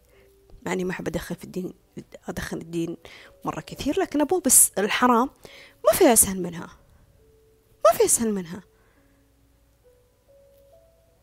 وأبواب الغلط ما في أسهل منها. ذنوبنا وسيئاتنا اللي نسويها أنا وأنت ما في أسهل منها صح ولا لا؟ لما نجلس نفكر في السيئة ولا الذنب اللي بنسويه ولا بالغلط أوه الموضوع ما يحتاج كل ذا الصبر. يا أخي نطلع له منافذ حلول من تحت الأرض ولين ما نسوي؟ لكن إنك تتخلص عن حاجة إنك تهذب نفسك إنك تربي نفسك إنك تبني فيك شيء شيء يحتاج نفس. يحتاج نفس. نفس. أيام بتكون طاقتك فيه عالية أيام طاقتك بتكون فيه منخفضة وهذا الطبيعي. وأيام بتاخذ فيها راحة وأيام بتكمل هذا الطبيعي. لا تفكر الموضوع بذي البساطة أوه فرط التفكير فاطمة علمتني شيء الحل... الأشياء اللي ممكن أنا أوقف فيها فرط التفكير خاصة أنا معناته بكرة راح أصحى أنا تخلصت من فرط التفكير. لا يا عزيزي الأشياء ما تجي بيوم وليلة. الحياة تحتاج بصبر منك. أنا أنا على لي يمكن حدود العشر سنوات أو أكثر أنا جالسة أقرأ وأغير وأبحث في نفسي إلى اليوم اللي أنا أكلمك فيه. لسه ما وصلت للمستوى اللي أقدر أقول فيه. أوه أنا فهمت نفسي بكل حاجة. بالعكس أنا أحس إني كل ما أكتشف نفسي. وبالعكس مستمتعة وأنا ماني جالسة أقول لك أوه أنت تحتاج طول ذيك الفترة. لا. بس في كل مرة تطلق فيها نية تبدأ فيها بسعي كأنك تقول لله يا رب أنا بديت وجالسة أسعى وجالسة أخذ بالأسباب والأدوات والأشياء اللي قدامي عشان أوقف فرط التفكير هذا اللي فيني. فساعدني. فتلقى المنافذ تلقى الحلول تلقى المعلومات تلقى أشياء حولك. إحنا بحاجة للأمان والطمأنينة. قسما بيت الله إحنا بحاجة للأمان والطمأنينة. أكثر من حاجتنا للأشياء اللي حوالينا. وأي شيء أي شيء تشوفه في الحياة وجالس يصير قدامك ترى يا عشان خلف الشعور. والله خلف الشعور إما شعور بالحرية إما شعور بالمادة إما شعور بالحب إما شعور بالاهتمام أما شعور بالرغبة أو بالشهوة أو ما شعور بالإعجاب والانتماء شعور. اسأل نفسك لما تشتري أشياء ولا تقتني أشياء ولا لما تدخل في علاقات أو لما تبحث عن أحلام أو لما تطمح في أشياء أو لما تفكر في أشياء إيش الشعور اللي تبحث عنه؟ إيش هو؟ في شعور. في شعور أنت جالس تناديه بروحك. عشان كذا جالس تدور على هذا الشعور خلف ذي الأشياء. بتساعدنا ذي الأشياء يا فاطمة على على إيجاد هذا الشعور؟ إيه صح. أي نعم. بس بدون تعلق وبدون اتكالية وبدون تطرف. لأنه الأشياء هذه متغيرة. لكن الشعور فيك ثابت لكن الأشياء هذه متغيرة. يعني إذا هذا الشخص فشل في أنه يعطيني دائرة الحب مو معناته أنه كل الناس راح يفشلون. تمام؟ البيت اللي أنا أنتمي له إذا كان مثلا آه، مثلا أبوي ما أعطاني السند مو معناته إنه زوج المستقبل ما راح يعطيني سند. أو مو معناته مديري في العمل ما يعطيني سند. مو معناته إنه أخوي ما راح يعطيني سند. مو معناته كل الرجال سيئين وما يعطون سند. لا. ما عندي تطرف ما عندي تعلق ما عندي تحيز لحاجة معينة. نفس الحكاية. شخص واحد أعطاني الحب مو معناته أنه ما عاد راح ألقى الحب إلا مع ذا الشخص. لا. هذا تحيز وتطرف. ترى مشاعر الحب أنا اللي أعطيها. أنا اللي أفك. أنا اللي أفك الموية الحباس وأنا اللي أقفل الحباس. ترى مو الناس. أنا أنا اللي أفك عشان أعطي ذا الشعور وأنا اللي أقفل. وما أعطي ذا الشعور. فالناس هم نفس الحكاية. لما هو يقفل الحباس عنك وما عاد يعطيك ذا الحب ترى في مجاري كثيرة للموية. كثيرة. وهذا الحلو في الحياة إنه فيها تنوع اختيارات كثيرة. مي واقفة على شيء واحد. فرط التفكير يجي أحيانا يكون في تحيز وتطرف وتعلق في شيء واحد بس. أبغى الوظيفة الفلانية أبغى المكان الفلاني أبغى الشهادة الفلانية أبغى المنصب الفلاني أبغى العلاقة الفلانية أبغى أبغى يسووا لي بس ذا الشيء يفعلوا لي هذا الشيء يعطوني ذا الشيء. أبغى نفسي بس تسوي ذا الشيء ويصير في زعل للنفس. ليه ما رديتي؟ ليه ما عصبتي؟ ليه ما اهتميتي بصحتك؟ ليه ما ذاكرتي؟ ليه ما؟ جلد جلد جلد جلد جلد. أحيانا نكون إحنا الجلاد على أنفسنا حتى. هي اهدى اهدى اهدى اهدى اهدى اهدى, اهدى. ترى ما راح من عمرك حاجة. طول ما أنت تتنفس تقدر تبدأ. تمام؟ مو سنة جديدة عشان نخطط مو نهاية السنة عشان نصفي. لا الحين الآن. تقدر تقول بسم الله أنا بدأت. تبدأ. تبدأ. بقل الإمكانيات وبقل الأشياء اللي موجودة عندك. وباللي بحدودك وباللي تقدر تسوي تبدأ. تبدأ. بسم الله توكلت عليك يا رب وبدأت. مو لازم أخترع صاروخ ولا هيئ المكان عشان الشيء يبدأ فيني. وأبدأ أشوف الحياة بتنوعها وباختلافها وباتساعها وبتنوع تعدد المصادر فيها. بعيد عن أهلي آه، الدولة الناس يا فاطمة آه، فلانة علانة العلاقة الفلانية. خلاص. كان إحنا عندنا كلمة بالجنوبي كان كان يعني خلاص خلاص خلاص. ماضي خلينا كذا نقول له هي أنا بكون نسخة أفضل من نفسي اسمع اسمع أنا مراعي الوضع اللي أنت سويت فيه الأفكار اللي فكرتها بذيك العقلية بذيك المشاعر انتهينا يلا سلام خليني أبدأ بداية جديدة. وأخذ قد ما أقدر الشيء اللي أنا أقدر آخذه مفيد لي. عشان ما أفرط بالتفكير.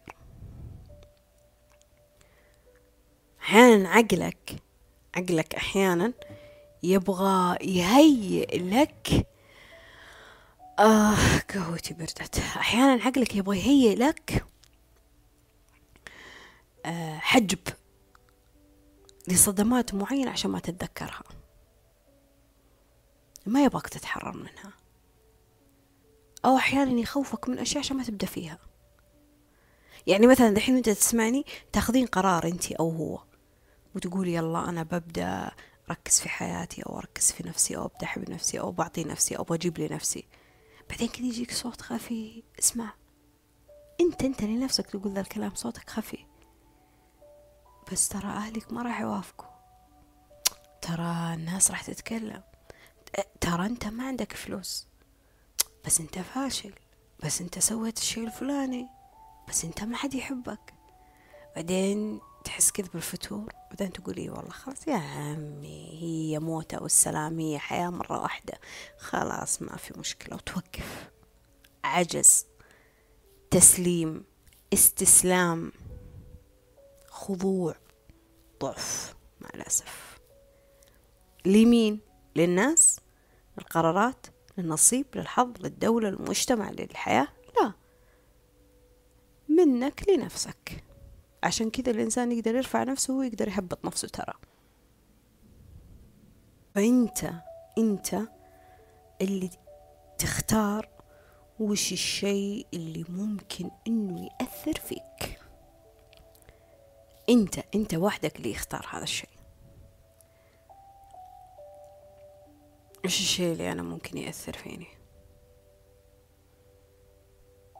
وش الشيء اللي ممكن يأثر فيني. وش الشيء اللي أنا جالسة أعطيه تركيزي وانتباهي واختياري وف وف وفرط انغماسي طول هذا اليوم ولا الأيام اللي أنا عشتها؟ إذا في حلقة حاجة معينة أنت جالس تدور تدور تدور تدور فيها وبسببها عندك سلسلة من الأفكار المرهقة إفراط في الأفكار متتالية وش هو ذا الشيء طيب؟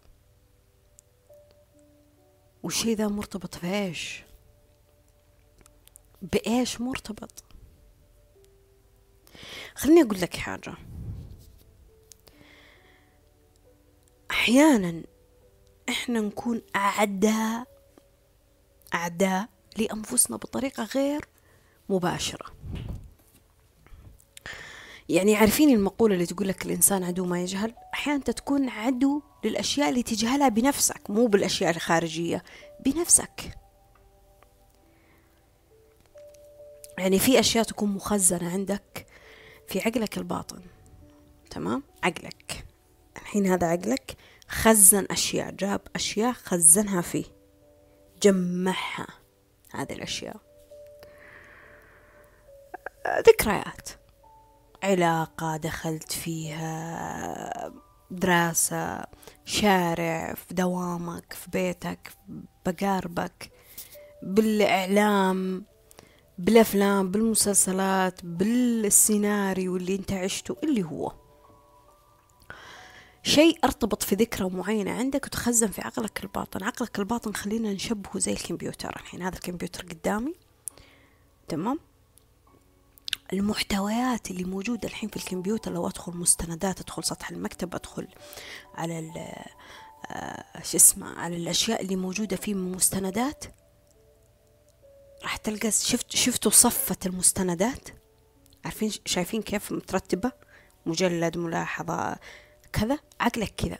مخزنها لك متجمعة وعلى فكرة أنا لما أقول ماضي أنا ما أقصد فيه ماضي بس لأشياء عشتها من عشرين سنة. لا. ولا أشياء بس مرتبطة في الطفولة. لا لا لا لا لا لا لا, لا.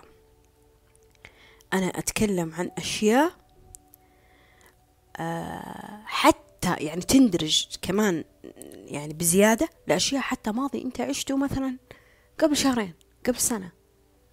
يعني شيء ما له فترة مرة طويلة. ماضي هو عبارة عن أي حاجة سويته في الأمس. حلو؟ سواء له سنين ولا شهور ولا أيام. فهو مخزنها قدامك هنا. حلو. خصوصا الأشياء اللي استنزفت فيك من مشاعر من طاقة من وقت من من وإلى. يعني أخذت منك مجهود الأشياء فخزنت عندك هنا في المستندات. إفراط التفكير والعدو اللي في داخلك إيش يسوي؟ إيش يسوي يا فاطمة؟ أنا قاعدة في أمان الله. قبل ما أنام. أتصفح التيك توك. سمعت أغنية حزينة لذكرى. ذكرى. الله يرحمها. أغنية حزينة لها. وأنا أسمع الأغنية. هذه أول مرة أشوفك بعيني كنت أشوفك بقلبي. يلا أغنية حزينة. عقلك الباطن. يقول لك الله أنت جالسه تسمعين الأغنية هذه يا فاطمة؟ لحظة لحظة خليني أذكرك بحدث عشان تكون قصة موسيقى. مع الأسف ترى هذا اللي جالس يصير. يلا يلا عشان تكون قصة وموسيقى يا فاطمة. فيجلس يذكرني في علاقة انتهت مثلا لها سنين الله. أو يذكرني بشخص توفى الله يرحمه من عشرين سنة أو يذكرني بكلمة قالتها صديقة في جلسة في يوم من الأيام أنا زعلت بس ما رديت عليه بس عقلي خزن ذا الشيء لأني ما فرغت. ويا الله أبدأ أعيش السيناريو وأزعل أضايق وأبكي ممكن أنام وأنا زعلانة. بعدين لما أصحى يقولون إيش فيها هذه ما تبتسم؟ طبيعي ما راح أبتسم. مو أنا سويت فعالية أمس في الليل قبل ما أنام. فعالية. الموضوع أشبه كمان بذكرى يعني مثلا زي لما تشوف فيلم رعب. وبعدين تروح تنام. بعدين تعيش في في حلم صراعات. تعبت جهات في الحلم. تصحى مزاجك مو تمام. ويسألك أخوك ولا أهلك ولا إيش بك؟ ليه زعلان؟ ليه معصب؟ والله حلمت حلم مرة سيء. هي حلم وهم شيء راح انقضى راح. لا. لأنه كان في طاقة لأنه كان في مشاعر لأنه كان في وقت لأنه كان في كذا سبب هذا النوع من الفيض. من الإهدار للشيء اللي راح تبدأ فيه يوم جديد. تابع فيلم رومانسي. تقول يا خيبة ما عندنا في مجتمعنا كذا. خلاص انتي قررتي.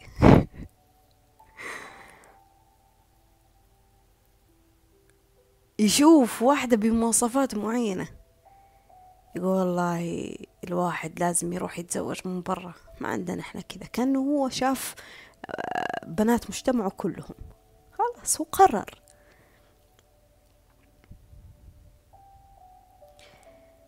دائما أقول خلف الغضب ذكرى مرتبطة فيه. أنا كنت إنسانة أغضب بشدة. يعرف فاطمة كويس؟ قبل سنين كنت من شدة الغضب. أكسر أعز أشياء عندي. إلا بتب جوال ساعة تلقاني فجأة تف أرميها على الأرض. شوف شوف لأي مرحلة أنا كنت شرسة في الغضب. يعني حتى لساني لاذع في الغضب. ليه؟ لأني أنا هادية مسالمة. ومع الأسف كنت أفتكر أن المسالمة والهادية طريقة يعني بالطريقة اللي أنا كنت أسويها كنت أشوف أنها هي سلام داخلي لكن هي سلام داخلي. هي زعزعة هي حرب ليه؟ لأني أعدي أعدي أعدي أعدي أعدي أعدي وأنا أفكر إني أنا جالسة أعدي بينما أن التعدية حقتي هذه التجاوز مو بتسامح مو بصفح مو إنه ما أجري على الله لا. جالسة أجمع أجمع أجمع أجمع أجمع ويجي موقف تافه. مثل زن الذبانة. توف تنفجر. أنت وأنا ما عاد أبغى ويلا طع أكسر أشياء. بعدين تقول إيش فاطمة ترى أنا يمكن سويت أشياء أفظع من كذا. ليه ليه ردة الفعل هذه كلها؟ من التجميع اللي أنا كنت أجمعه فيني. عقلي الباطن كأنه قال لي اسمعي هي صوت داخلي يجيك. عدو. يقول لك اسمع ترى مو بس هذا الغلط اللي جالس سواه معك عشان هو يطلب منك السماح لحظة لحظة يا فاطمة خليني أذكرك. ويبدأ ينزل لك من المستندات. يذكرك. يلا يلا يلا يلا. يسوي لك استيراد. إيش يسمونه؟ استيراد؟ استيراد. هو في السنة الفلانية خان هو السنة الفلانية قال لك والسنة الفلانية فعل. وبعدين أنت تيجي تبغى تتناقش عن مشكلة تكتشف إنك تناقش عن كل شيء. مو مشكلة واحدة. مو مشكلة واحدة. والأغلب الأغلب يكون شو بسبب تافه ترى. شايفين كيف العدو؟ فأنت لما تحس بذا الشيء لا تاخذ موج مع الأفكار هذه. أنا أعطيتك أمثلة بس بسيطة ولا الموضوع عميق ترى على فكرة. يعني ما تتخيلون قديش العقل الباطن داهية. لأنه كل حاجة يجمعها كل حاجة يلقطها. يعني تخيل الأشياء اللي تسمعها الأشياء اللي تشوفها الأشياء اللي تحسها الأشياء اللي تستذوقها كلها تتجمع. الأشياء اللي تشمها الحكي السواليف. فليه داهية ليه قلت عنه داهية؟ ليه قلت عنه مصيبة؟ لأنه عقلك هذا الباطن ما يفرق. ما يفرق بين الحقيقة والخيال. يعني أنا دحين جالسة أكتب رواية مثلا مثلا أنا جالسة أكتب رواية. وأعيش في قصة الرواية ولا جالسة أشوف مسلسل. وأعيش في قصة المسلسل وأعطيها طاقة أعطيها مشاعر أعطيها تفكير. عقلك ما يقول هي ترى بس خيال ووهم. فاطمة إيش بك ممثلين؟ لا بالعكس يعيشك الدور كأنه حقيقة. كأنه حقيقة. فحقين قوانين الجذب وقوانين التجلي وقوانين هذه هم إيش يبغون يسوون؟ يبغونك تلعب على عقلك الباطن. لما يقول لك هيئ نفسك للشيء قبل ما يصير. يبغونك تتخيل ذا الشيء. ليه؟ لأنه عقلك يتخيل الأشياء السيئة ويعيشها. فمن باب أولى إني أنا أطرد الذكرى السيئة وأحط مكانها ذكرى كويسة وأتخيل شيء كويس عشان هو يتجلى ويصير. لأنه لما أدخل في سيناريو خيالي سواء كان جيد أو سيء وقلت لك هذه المصيبة في العقل الباطن وهذا اللي واحدة من الأشياء تسبب لنا فرط في التفكير. آه اللهم صل على محمد. إيش يصير؟ الواقع يحاول يشبك معاك بالأشياء اللي تتشابه مع الفكرة نفسها. يعني شايف لما لما تقول أنا جالس أفكر في حاجة مثلا معينة. مثلا. فجأة يجيك اتصال من صديق تقول يو أنا كنت أفكر فيك قبل شوية. أو مثلا أحد يكلمك يقول لك عن عن موضوع معين تقول يو سبحان الله. اليوم أنا كنت أفكر في ذا الموضوع. أو تطلع الشارع ويصير موقف شبيه لحد ما للشيء اللي انت تخيلته. تقول يما أنا إيش عندي الحاسة السابعة ولا السادسة ولا إيش تخيلت الشيء وصار. إيه إيه. ممكن هذا الموقف جالس يتكرر دائما بس ما كنت تلاحظه ولا كنت تشوفه. ممكن تفكر في سيارة معينة. جربوها. ترى فيها متعة شوية. تفكر في سيارة معينة. وتقول يلا سيارة مثلا آه، مازدا مازدا مازدا مازدا وما أدري إيش وتسولف عنها وتفكر فيها ولونها وكذا يعني مثلا. فجأة تطلع الشارع أغلب الأشياء اللي تشوفها حوالينك تمر مازدا. نفس المواصفات اللي أنت قلتها تقريبا. وتقول يما أنا إيش جذبتها ولا إيش؟ وش وش جالس يصير؟ هي ممكن ممكن سيارة جارك مازدا يمكن دائما جارك يوقف فيها عند الباب بس أنت ما لاحظتها. ليش؟ لأنه ما كان لها قيمة ولا معنى عندك. هي مجرد سيارة كنت تشوفها وعادي. بس لما صار في تركيز كذا طقة في خيالك عقلك الباطن بدأ يخليك تركز وتلاحظ للأشياء اللي تجذب. في واقعك يعني في خارجك الماديات هذه اللي قدامك الملموسة اللي تجذب الأشياء اللي موجودة في دماغك.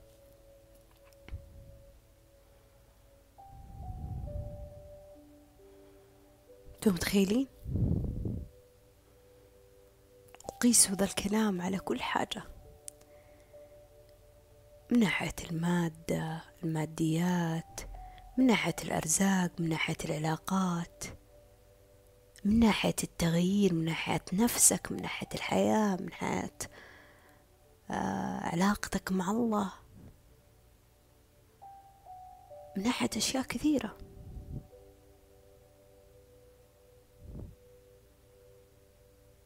في ناس غنية ما هي مسلمة. إيش الله راضي عليهم والله مو راضي عليك؟ لا طبعا.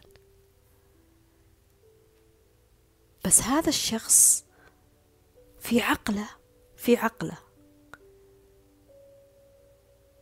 عنده يقين إنه قادر يقدم لنفسه هذا الشيء. وحاب يقدم لنفسه هذا الشيء.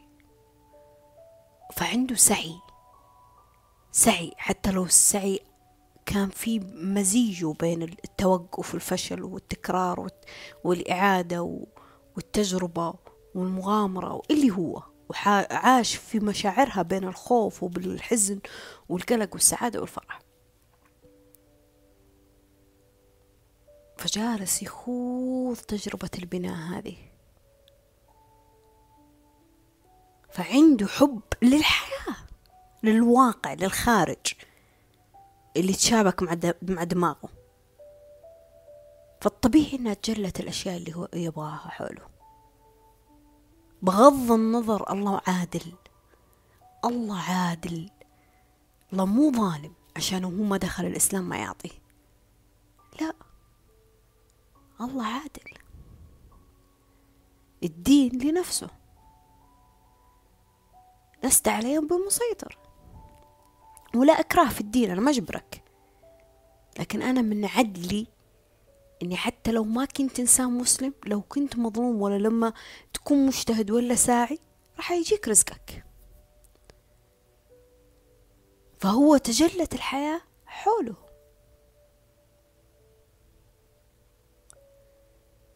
في ناس في ناس تتلاعب في عقلها كمان يعني شوفوا تتلاعب في عقلها بمصطلحات معينة عشان تعيد تعيد سيناريو المستندات اللي موجودة في عقلها الباطن.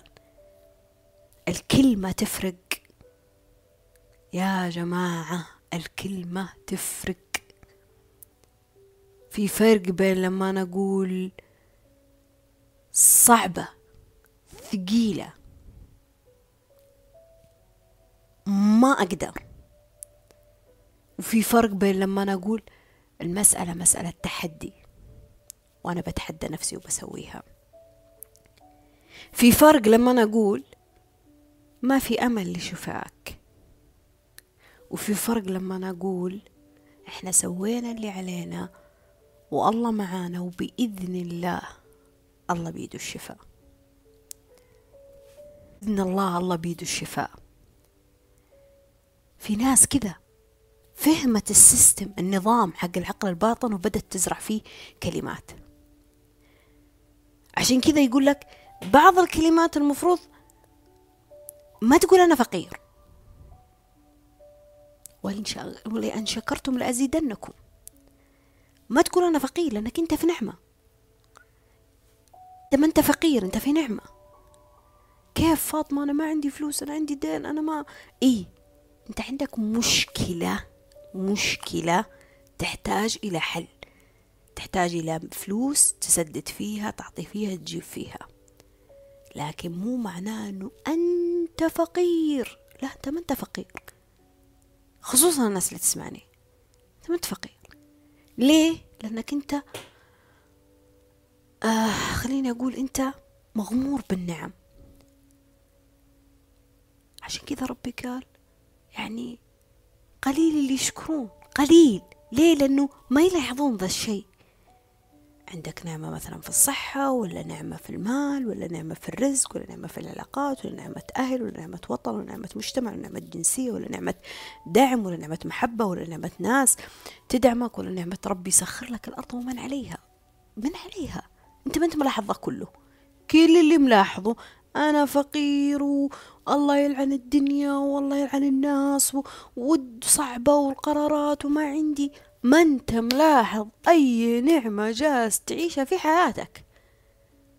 وعقلك ما شاء الله الباطن يذكرك بكل ذكرى سوداوية فشلت فيها في حياتك. كانه يقولك يلا يلا أنا معك. اليوم أنا صديقك راح أعزز لك. تذمر الحياة صعبة تذمر. يلا يلا أنا معك تذمر. فانتبه لهذا الصوت اللي في داخلك. وفرق ما بينه طيب فرق ما بينه وما بين الصوت اللي يسمونه زي الصوت الروحاني أو صوتك الداخلي مفروض تؤمن فيه. آه، أتوقع أنه مثل الشيء اللي لما الرسول قال عنه واستفتي في قلبك هذا فرق ما بينه وبين الصوت هذا لأنه الصوت اللي في العقل الباطن بالغالب يجمع الأشياء السيئة والغلط. بالغالب هو يسيطر على روتين يومك وحياتك بالغالب هو اللي مسبب إفراط في التفكير. على فكرة ترى أنا ماني جالسة أتكلم بس عن إيجابياته أنا الحين جالسة أتكلم عن الأشياء اللي ترق تسبب لك الأرق من ناحيته ولا هو العقل الباطن فيه الأشياء مرة كويسة أشياء مرة جميلة يعني. كمثل لما تتعود إنك تتعلم لغة معينة بعدين تصير تمارسها محفوظة عندك في المستندات تمارسها في الوقت اللي أنت تحتاجه. أنا ما بتكلم في إيجابياته كثر ما أبغى أتكلم في, في الشيء اللي يسبب من ناحيته إفراط في التفكير. فتعلم أنك تنتبه لهذه القصة اللي جالس يقولها عقلك الباطن فيها. الصوت الصوت ما أدري هو عقل باطن ولا صوت. أحيانا تكون وسوسة شيطانية وأحيانا تكون شيء أعمق من الشيطان ترى. الشيطان أحيانا يكون ضعيف عندها. هذا الصوت اللي يساعد الذكريات السيئة أنها تعزز الموقف اللي أنت تعيشه. هذا الصوت اللي جالس يدخلك من دائرة الأمان والطمأنينة إلى دائرة سوء الظن والحكم على الناس وسوء الظن بنفسك والقلق من تجاه أي شيء حولك. القلق اتجاه أي شيء حولك. خلاك تتصور تتصور إنه مثلا مثلا مثال طيب إنه كل واحدة محجبة يعني هي فاسقة أو إنسانة مي كويسة أو إنسانة سيئة. وتبدأ تسب وتقطع تقول شوف شوف بالله شوف ال... شوف كيف الأشكال هذه صاروا يطلعون و... طب إيش اللي خلاك تحكم؟ ما تعرفها. ولا تدري إيش علاقتها مع الله. ولا تدري حتى إذا كانت هي تنتمي لدينك ولا ما تنتمي. ولا تدري وش هي معتقداتها ولا تدري وش هي تربت عليه ولا تدري وش هي عاداتها. يعني يمكن هي نشأت في, بيئة كذا. يعني إيش اللي خلاك تطلق ذا الحكم بالقسوة هذه؟ إيش اللي خلاك ممكن تقذف؟ شيء في عقلك الباطن عزز لك ذا الشيء لدرجة إنك أخرجته حتى للواقع. صرت تسب وتشتم وتقذف وتعبر عن رأيك بسوء اتجاه الموقف اللي أنت شفته. مو من باب إصلاح المجتمع ترى. لا من باب أنك أنت غاضب من الشيء اللي أنت شفته. طيب الصوت هذا ساعدك في أنك تسيء الظن. الصوت هذا ساعدك في أنه يبدأ يعزز لك ذا الشيء بشيء من المستندات. أوه كأنه جالس يقول لك لحظة لحظة لحظة خليني أذكرك بأشياء عشان تطلع بحجة أقوى وتبرير أقوى. آيات فهمتها غلط أحاديث فهمتها غلط آه شيء صار في في التعليم في الإعلام في بي في بيتك آه مع علاقة عاطفية مثلا مريت فيها سبب لك مثلا ذا المعتقد أو ذا الصدمة. فبناء عليه تشكلت بذي الحجة وبذي التبرير إنك تطلع تحكم وتقيم. من اللي عزز لك؟ صوتك اللي في داخلك. الناس تكون مشغولة عنك طبيعي إنه الواحد يعني يكون مشغول ما يقدر يكلمك يعني أنا عندي عندي صديقات يزعلون لما أنا مرض يزعلون لما أنا يعني ما أفتح المسج. ويفكرون إنه آه هي إيش عندها؟ آه هي ما تبغى ترد هي هي شايفة نفسها هي يعني في إطلاق للأحكام سيء. طب أنا لازم أكون موظفة ثمان ساعات عشان أنا أقول لك والله عذريني ترى أنا موظفة. ولا لازم أنا أعلمك السيناريو جالس يصير عندي في البيت مثلا عشان أقول لك أنا جالس يصير عندي. طيب أنا ما يعني ليه ما تقبلين فكرة إنه أنا مثلا ماني مستعدة للاتصال أو ماني مستعدة للكلام اللي أنا بقوله؟ أو يمكن أنا في مزاجي يخليني أي كلمة تقولينها بتحامل عليها بتضارب فيها. فأنا جالسة أكفيك شري مو خيري أنا جالسة أكفيك شري. طب يمكن نايمة. يمكن في الحمام عزكم الله. لا. كيف؟ هي سيئة. هي أنانية. هي هي شايفة نفسها. هي هي هي إلى آخره. في يوم من الأيام أزعجني من أعز صديقة لي هذا التصرف جدا. يعني مرة مرة أزعجني صراحة وترني. يعني خلاني صرت أدخل في جدالات كثيرة معاه مشاكل كثيرة. آخر شيء جلست معاه قلت له يا بنت الناس يا بنت الناس ترى الشخص اللي لا اللي اللي ما يرد عليك معناته إنه مو ما يحبك معناته إنه ما يقلل من قدرك معناته إنه مو جالس يشتمك مو معناته إنه مستغني عنك وبيتخلى عن العشرة والسيناريو اللي عقلك يساعدك تتخيلينه. وإحنا لقينا ناس أفضل من الكلام الفاضي. يمكن شخص مهموم ما يقدر يتكلم. يمكن شخص نايم ما عليه حجة حتى يستيقظ. يمكن الشخص يكفيك شره. يمكن الشخص آه، يبغى يكلمك في وضع أهدى. ليه ليه ليش السيناريو عقلك يصور لك تصرفات وأشياء أنا ما ما سويتها؟ أنت ستعيشين المصيبة. المصيبة إنه في ذا الصوت اللي في دواخلنا يخلينا نعيش ذا السيناريو لحالنا. والله لو أقول لك اثبت لي إنه هذا الشخص طلع لك سوء ظن. اثبت لي إنه هذا الشخص قلل من قدرك أو من قيمتك. والله ما راح تلقى إثبات. لأنك ما تدري. يعني أنا مثلا ما كلمتها من يومين ثلاثة أيام. كيف جزمتي؟ كيف كيف أيقنتي؟ كيف سئتي الظن؟ قلت لها لما أحد يقول لك لا مو معناه يهز كانك مو معناه يشتمك. لما أحد يرفضك بحاجة مو معناه أنك سيئة مو معناه أنه أفضل منك. لما أحد ينشغل عنك ويعطي أولوية لشيء معين في حياته مو معنوي مو معناه إنه الأولوية هذه هي تقليل قدرك ومكانتك. طب أنت تعطين أولوية لشغلك تعطين أولوية لما تروحين لأبوك وأمك تعطين أولوية لزوجك. طب أنت تعطين أولوية لأشياء مهمة في حياتك ليه أنا ما أزعل؟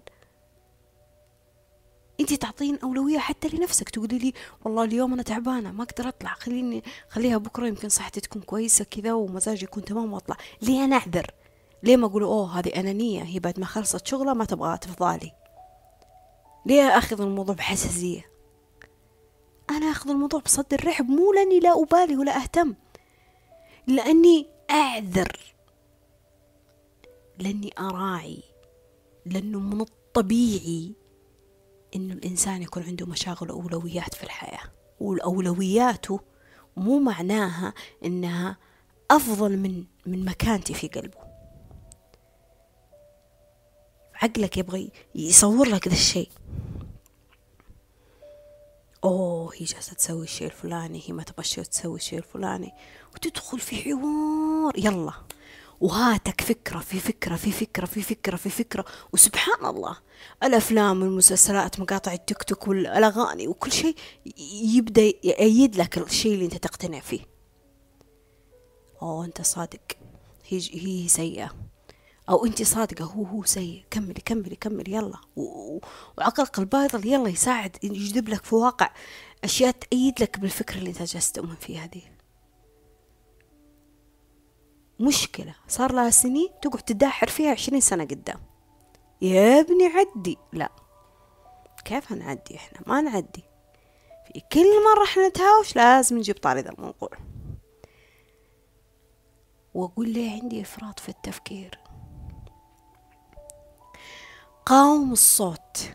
قاوم العدو اللي في داخلك. قاوم الشيطان اللي في داخلك.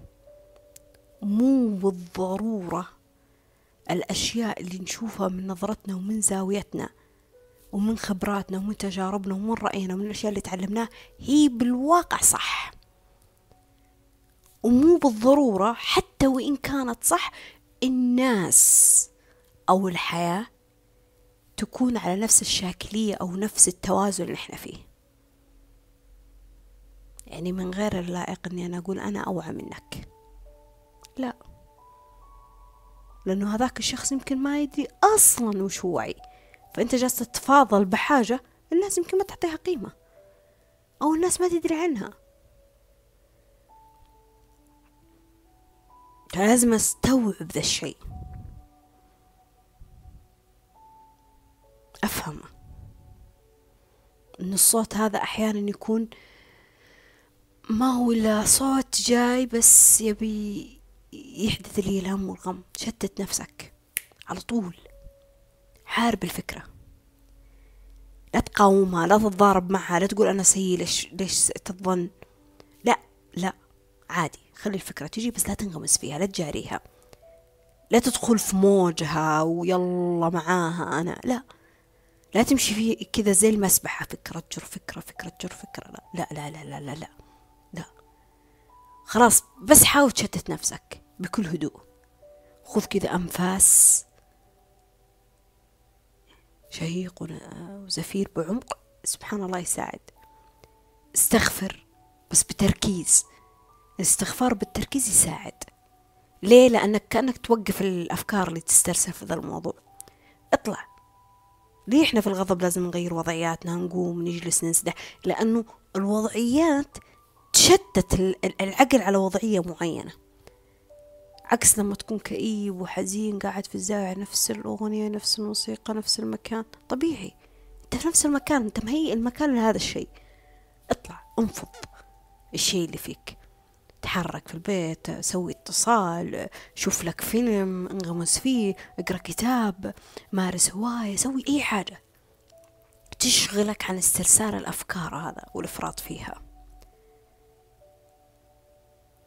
صدقني في كل مرة راح تحارب فيها. أو خليني أقول ما تحارب لكن في كل مرة راح تحاول تتغلب فيها على ذا الشيء. سبحان الله يعني آه، في كل مرة يقوى الشيء ذا. في كل مرة هذا الشيء يكبر يتسع. ليه؟ لأنك وصلت لنضج أكثر ووعي أكثر. إلين ما يوم من الأيام توصل أنك تلعب لعبة الحياة. إلين في يوم من الأيام تصير أصعب تحديات الحياة بس هي مي في الحياة هي أصعب التحديات مع نفسك هي أمتعها زي اللي اللي اللي ينط من السماء واللي اللي آه، يقفز ولا اللي هذا هذا دخل لمرحلة عالم. يعني هو ما يحب نفسه لا يحب نفسه ترى. ويشوف إجراءات الأمان وكيف أنا ممكن إني أمارس الرياضة و... بس دخل لي مرحلة عميقة من التحدي. شفتوا لما نلعب لعبة ونوصل لمرحلة عالية من التحدي تحس إنها صرت تحمس أكثر. كذا. أنت لما تبدأ تتغلب على ذا الصوت بالتدريج يبدأ الصوت ده يتسع ويكبر. تبدأ تلعب مع لعبة الحياة. والله تصير تسمعه كأنه فكاهة. كأنك تبغى تضحك عليك كأنه كوميديا سوداء. مم. أنت اليوم تبغاني أحزن. لا لا أنا واعي لك. يلا يلا. يلا خلنا أقوم أسوي أشتغل أكلم أشغل نفسي. أنا واعي. ماني جالسة أدخل بالعمق وأغوص. لا أنا واعي. أدري وش الصوت اللي يجي من روحي وأدري وش الصوت اللي يجي من عقلي الباطن. وأبدأ أتقبل. عشان أوقف فرط التفكير لازم أتقبل. أتقبل. أتقبل. أتقبل أهلي. أتقبل الحياة اللي عشتها أتقبل ماضي أتقبل العلاقات أتقبل خيباتي وصدماتي وذنوبي وسيئاتي وأخطائي. وأجدد التوبة يا ناس. التوبة في ديننا تتجدد للجنة فما بالك في جنة الدنيا؟ جدد جدد روحك. يا رب أنا نويت أسوي ذا الشو يلا بسم الله وببدأ فيه. وقف فرط التفكير وجدد. جدد. بلاش الحبال هذه جالسين نجرها. خلفنا صخرة كبيرة من من الهموم والتراكمات من الماضي. جدد عشان فرط التفكير يتوقف عندك. تدرون إنه إنه إنه ليه الواحد يطفش من الوعي؟ ليه الواحد يطفش من العلم؟ ليه الواحد يطفش من الكلام الصح؟ يقول خلاص يا عمي درينا. ليه؟ لأنه جمع جمع جمع جمع جمع. اكتنز في المعلومات الصح ولا طبق منها حاجة. فطبيعي دماغه ما عاد يسمح. لكن جيب له ذي المعلومة بطريقة ثانية. يعني أنا فاطمة اليوم جالسة أقول لك إفراط بالتفكير. وجبت لك عن عن الأشياء الكثير اللي تساهم في إفراط التفكير. أنا متأكدة أنه في كثير من الناس تكلموا عن إفراط بالتفكير بمسميات ثانية. لكن الغاية واحدة والمعنى واحد ترى. قوة العقل الباطن القلق الفخ اللي مدري إيه كل واحد سماه بمسمى وكل واحد قال قال بأسلوبه بطريقته لكن كلنا غايتنا واحدة ترى. المعنى عندنا واحد بس كل واحد له طريقته وأسلوبه. فأنت سبحان الله تقول أوه هذا الشخص انسجمت معه. أنا فاطمة اليوم انسجمت معاه صراحة الموضوع ذا قالته بطريقة عميقة. إي نعم فاطمة مي اول وحده قالت ذا الموضوع. بس فاطمة لامست ذاك الشي فيك بأسلوبها بطريقتها فحبيت المعلومة كيف انقالت بطريقة جديدة لكن عقلك الباطن هنا انخدع. قال أوه معلومة جديدة يلا بسم الله باخذ المجلد الدفتر وأبدأ أكتب وأبدأ عشان أسوي ذا الشيء. بينما الشيء ذا يمكن أنت تعرفه من زمان. المفروض ما تفكر كثير ومفروض إنك ما تتعلق كثير ومفروض إنك ما تتطرف كثير ومفروض إنك تكون متوازن ومفروض إنه تحارب الشيطان اللي في داخلك إلى آخر يعني. تكون انت عارف أصلا بس استبدلت الشيء بمعلومة جديدة فعشان كذا تنشط الشيء اللي في داخلك. فدائما أقول فرغ كوبك. تخلص من عبء الأشياء الكثيرة. ترى حتى الأشياء الزينة لو تتكرر تصير بعض الأحيان مملة. سبحان الله هذا طبيعة الإنسان يطفش يبدأ يدور على شيء جديد. طريقة بالصدقة جديدة طريقة بإحياء الأرض جديدة طريقة بالتعامل جديدة طريقة بالاهتمام جديدة. ليه الهدايا حلوة في العلاقات؟ لأنها تدخل كذا روتين غير طبيعي غير اعتيادي في العلاقة. ليه الشخص لما تكون في علاقة معه من سنين فجأة فجأة؟ فجأة يمكن لو شهور ما قال لك أحبك فجأة لما قال لك أحبك تحس إنه أوه كذا ليه؟ لأنه خرق الروتين خرق ال ال الاعتياد اللي آلفه عقلك الباطن. فإحنا دائما بحاجة لهذه الهزة. الهزة اللي توقف إفراط التفكير عندنا. فعشان كذا الواحد يجدد طول الوقت يغير في ملابسه في ألوانه في أثاثه في سيارته. في السفر في المكان في, في التجميع في الفلوس بالهواية بال... ليه؟ عشان ما يدخل في فرط التفكير ترى على فكرة.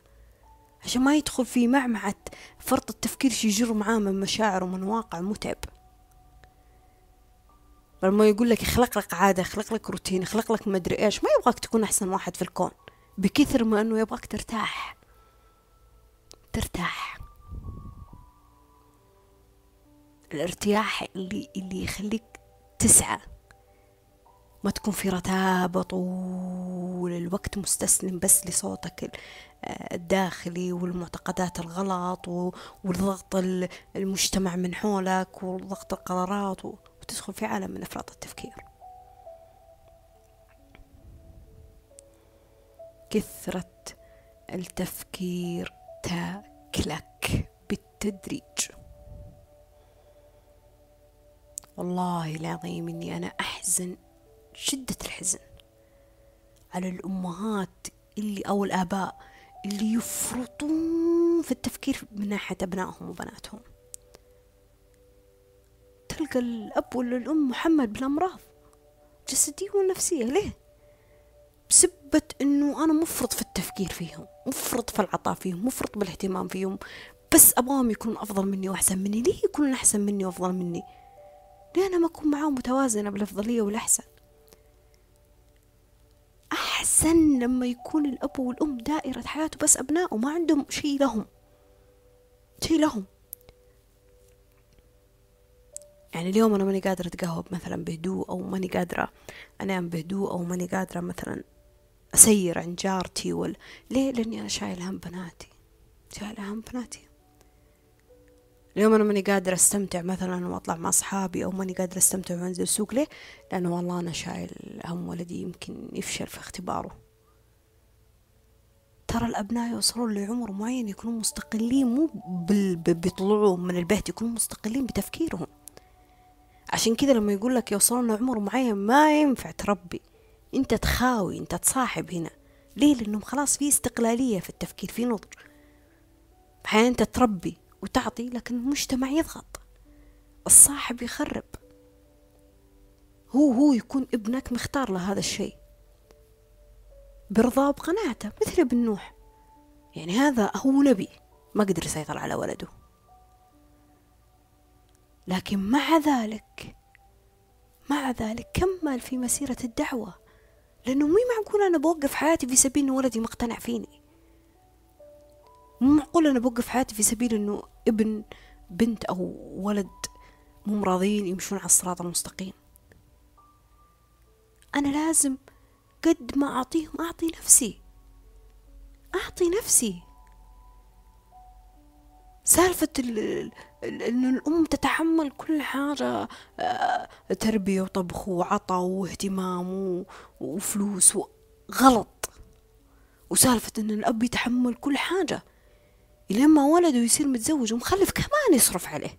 كمان يعطيه كمان يربي عياله. وأجي أقول والله الأب ملزوم من ابنه. طول ما أنت جبتهم لازم أنت ملزوم فيهم حتى لو إنهم متزوجين. لا. أنا ملزوم بيني وبينهم في في صلة البر بشيء أعمق من كذا. أنا متأكدة إن الله الله ما قصده؟ هذا النوع من الألم اللي إحنا جالسين نشوفه ونعيشه في في بيوتنا وفي في مجتمعاتنا مجتمعاتنا. النوع النوع اللي يخلي الأب من فرط اهتمامه بالأسرة ينسجم بديونه. تتوقف أهم الأشياء المهمة في حياته. النوع اللي في اتكالية غريبة. ما عليك أنا بوفر لك السيارة بوفر لك الزوجة بوفر لك الفلوس بوفر لك المصاريف وتربية عيالك وما يهمك. وكأني أنا جالسة أساعد الدمار في دمار ثاني. دام عليه هي غلطت هو غلط هم يتحملون مسؤوليتهم. هم في أعمار الدولة ما بتقول له وين أبوك وأمك. وينهم؟ ليه غلط هذا الغلط؟ أنت حامل للهوية الوطنية فأنت مستقل حتى لو كنت عايش معهم إذا أنت إنسان بالغ تتحاسب على تصرفاتك. وأنت إنسانة بالغة راح تتحاسب على تصرفاتك. سالفة إني أنا أجي أقول والله الأب والأم ما عرفوا يربوا لا هذا غلط ترى. سورة الكهف كان الأب والأم ناس كويسين بس كان عندهم ابن سيء وكان لابد إنهم يستبدلونه في ابن ثاني. نوح نبي. نوح نبي وابنه سيء عم الرسول على قد ما كان يحبه ما آمن فيه. قوم الرسول اللي عاش وتربى معاهم ما تقبلوه. لما قال لهم أنا رسول أو أنا نبي. واجي أقول لا أنا أنا لازم أتحمل مسؤولياتهم ومصاريفهم واشيائهم وأغراضهم وتفكيرهم. هنا ماني جالسة أقول لك إنه الأب ما والأم ما عندهم حقوق تجاه أبنائهم أو العكس الأبناء لهم حقوق على آبائهم وأمهاتهم. لا أنا جالسة أتكلم عن الإفراط الإفراط بالتفكير بالتصرفات بالأشياء اللي تصير فيها. الإفراط المبالغ فيها. يعني بالعكس أحيانا يكون مو مو إفراط بس بالإهتمام والعناية يعني أحيانا يكون العكس إفراط بالحرمان. يعني أنا ما أخليها تطلع ولا أخليها تخرج أو أخليه هو أضغطه آه، بشغل وطاقة وحمل فوق طاقته ويكون بعمر صغير من باب إنه يتعود يتحمل مسؤولية أو من باب إنه هي تكون ست بيت بعدين ممتازة من باب إنه بعدين المجتمع يصفق للأم والأب أو أنت أنتجتوا ناس كويسين. وهم يكونون محملين بالهموم والغموم والضغوطات والإفراط بالتفكير. في حرمان إن الواحد يعيش حياته على أكمل وجه. إفراط. شايفين كيف موضوع الإفراط عميق جدا؟ أنا يعني يمكن أبحرت فيه بشكل مو طبيعي. وكل الكلام اللي قلته يعني أنا أعتبره شيء بسيط لكن لو تبحث عن الموضوع أكثر تتعمق في الموضوع أكثر راح تنصدم من الإفراط في التفكير إيش يودي وإيش يوصل وإيش الواحد ممكن يكون موجود فيه. ف بقولها كده بشكل سريع يعني. المعتقدات اللي ما تخدمك انسفها لأنها تسبب لك فرط في التفكير. العادات اللي ما هي جالسة تخدمك تفيدك. انت انت أنا معلي في الناس والمجتمع انت. حاول تخفف منها بالتدريج بالتقليل. حاول قد ما تقدر تسيطر على الأشياء اللي تقدر تغيرها فيها. أنا أدري إنه الشيء ما بيجي بيوم وليلة وأدري إن الشيء يحتاج وقت. وأنا أنا منكم. أنا منكم ما زلت في عادات سيئة وللآن جالسة أحاول حبة حبة بالتدريج أتحرر منها. آه، ضغط الاستقلال للمرأة والرجل. الضغوطات اللي جالسة تصير. دائما أفكر بشكل أعمق من الشيء اللي ملموس. دائما أفكر بشكل أعمق من الشيء اللي ملموس. ابحر في ذا الموضوع. يعني دائما في خلف الشيء اللي تشوفه في قصة ترى. يعني هي ما طلعت بالصورة أو ما قالت ذا الكلام أو ما صورت ذا الشيء. هو ما هو جالس يمارس ذا السلوك إلا في خلفه. في خلف في خلفه قصة مرتبطة فيه. في خلفه شيء آه خلاه يوصل لهذا النوع من التفكير لهذا النوع من آه الإفراط في التفكير. الصوت الداخلي اللي عقلك. آه دائما اعرف إنه منقسم لشقين. في صوت كذا من الروح.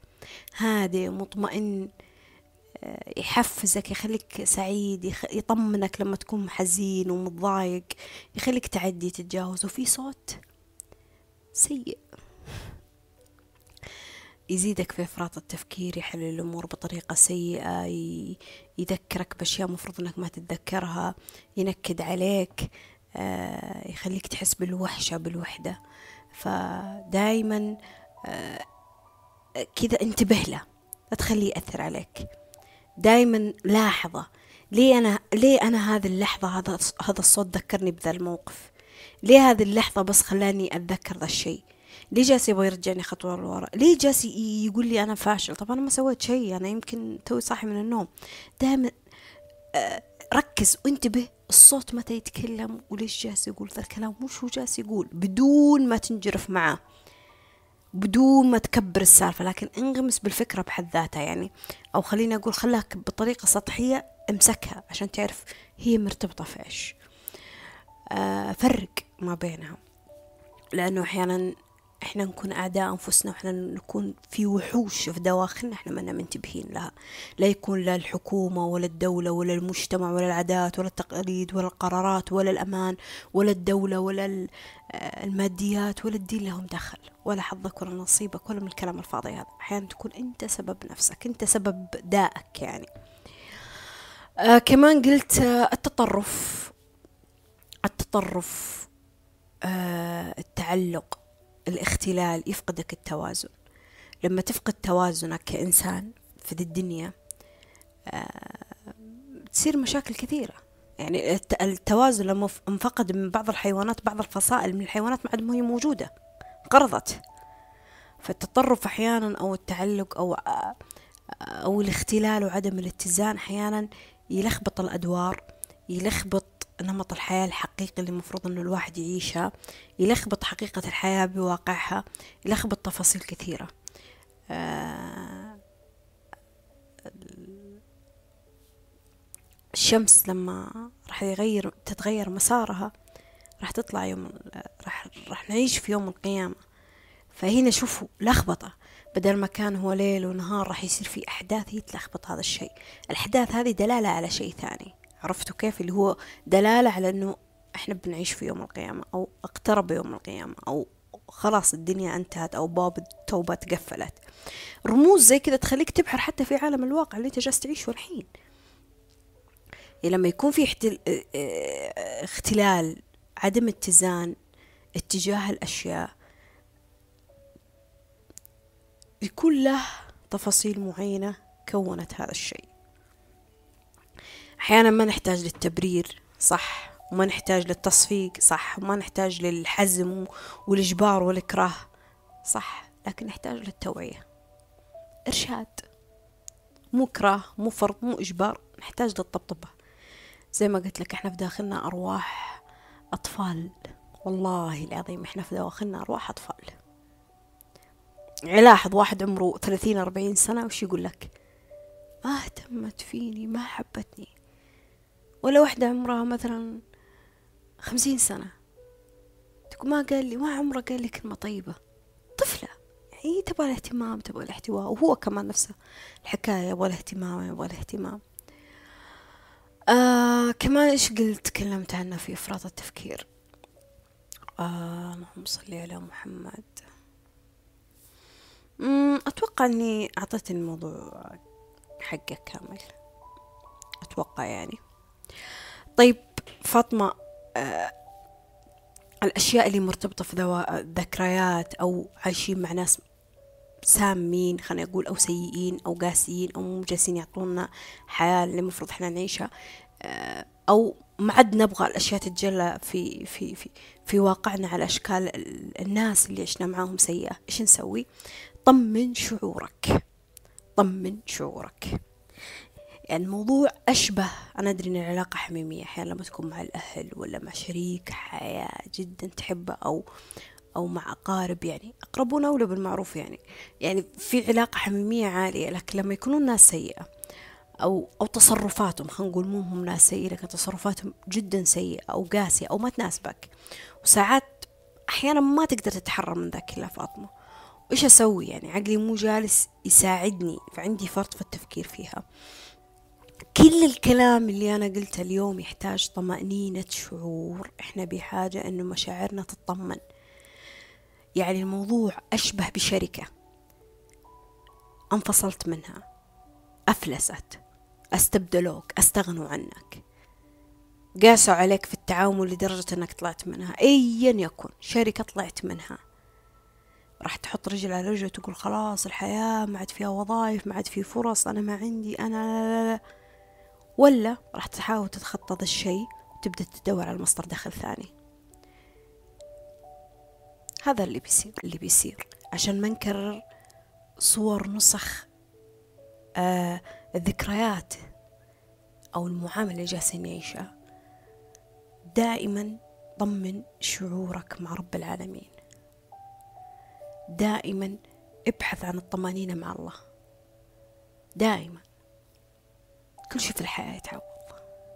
والله يمكن تقول لي فاطمة حتى الأهل ما يتعوضون بس كل شيء مع الله يتعوض.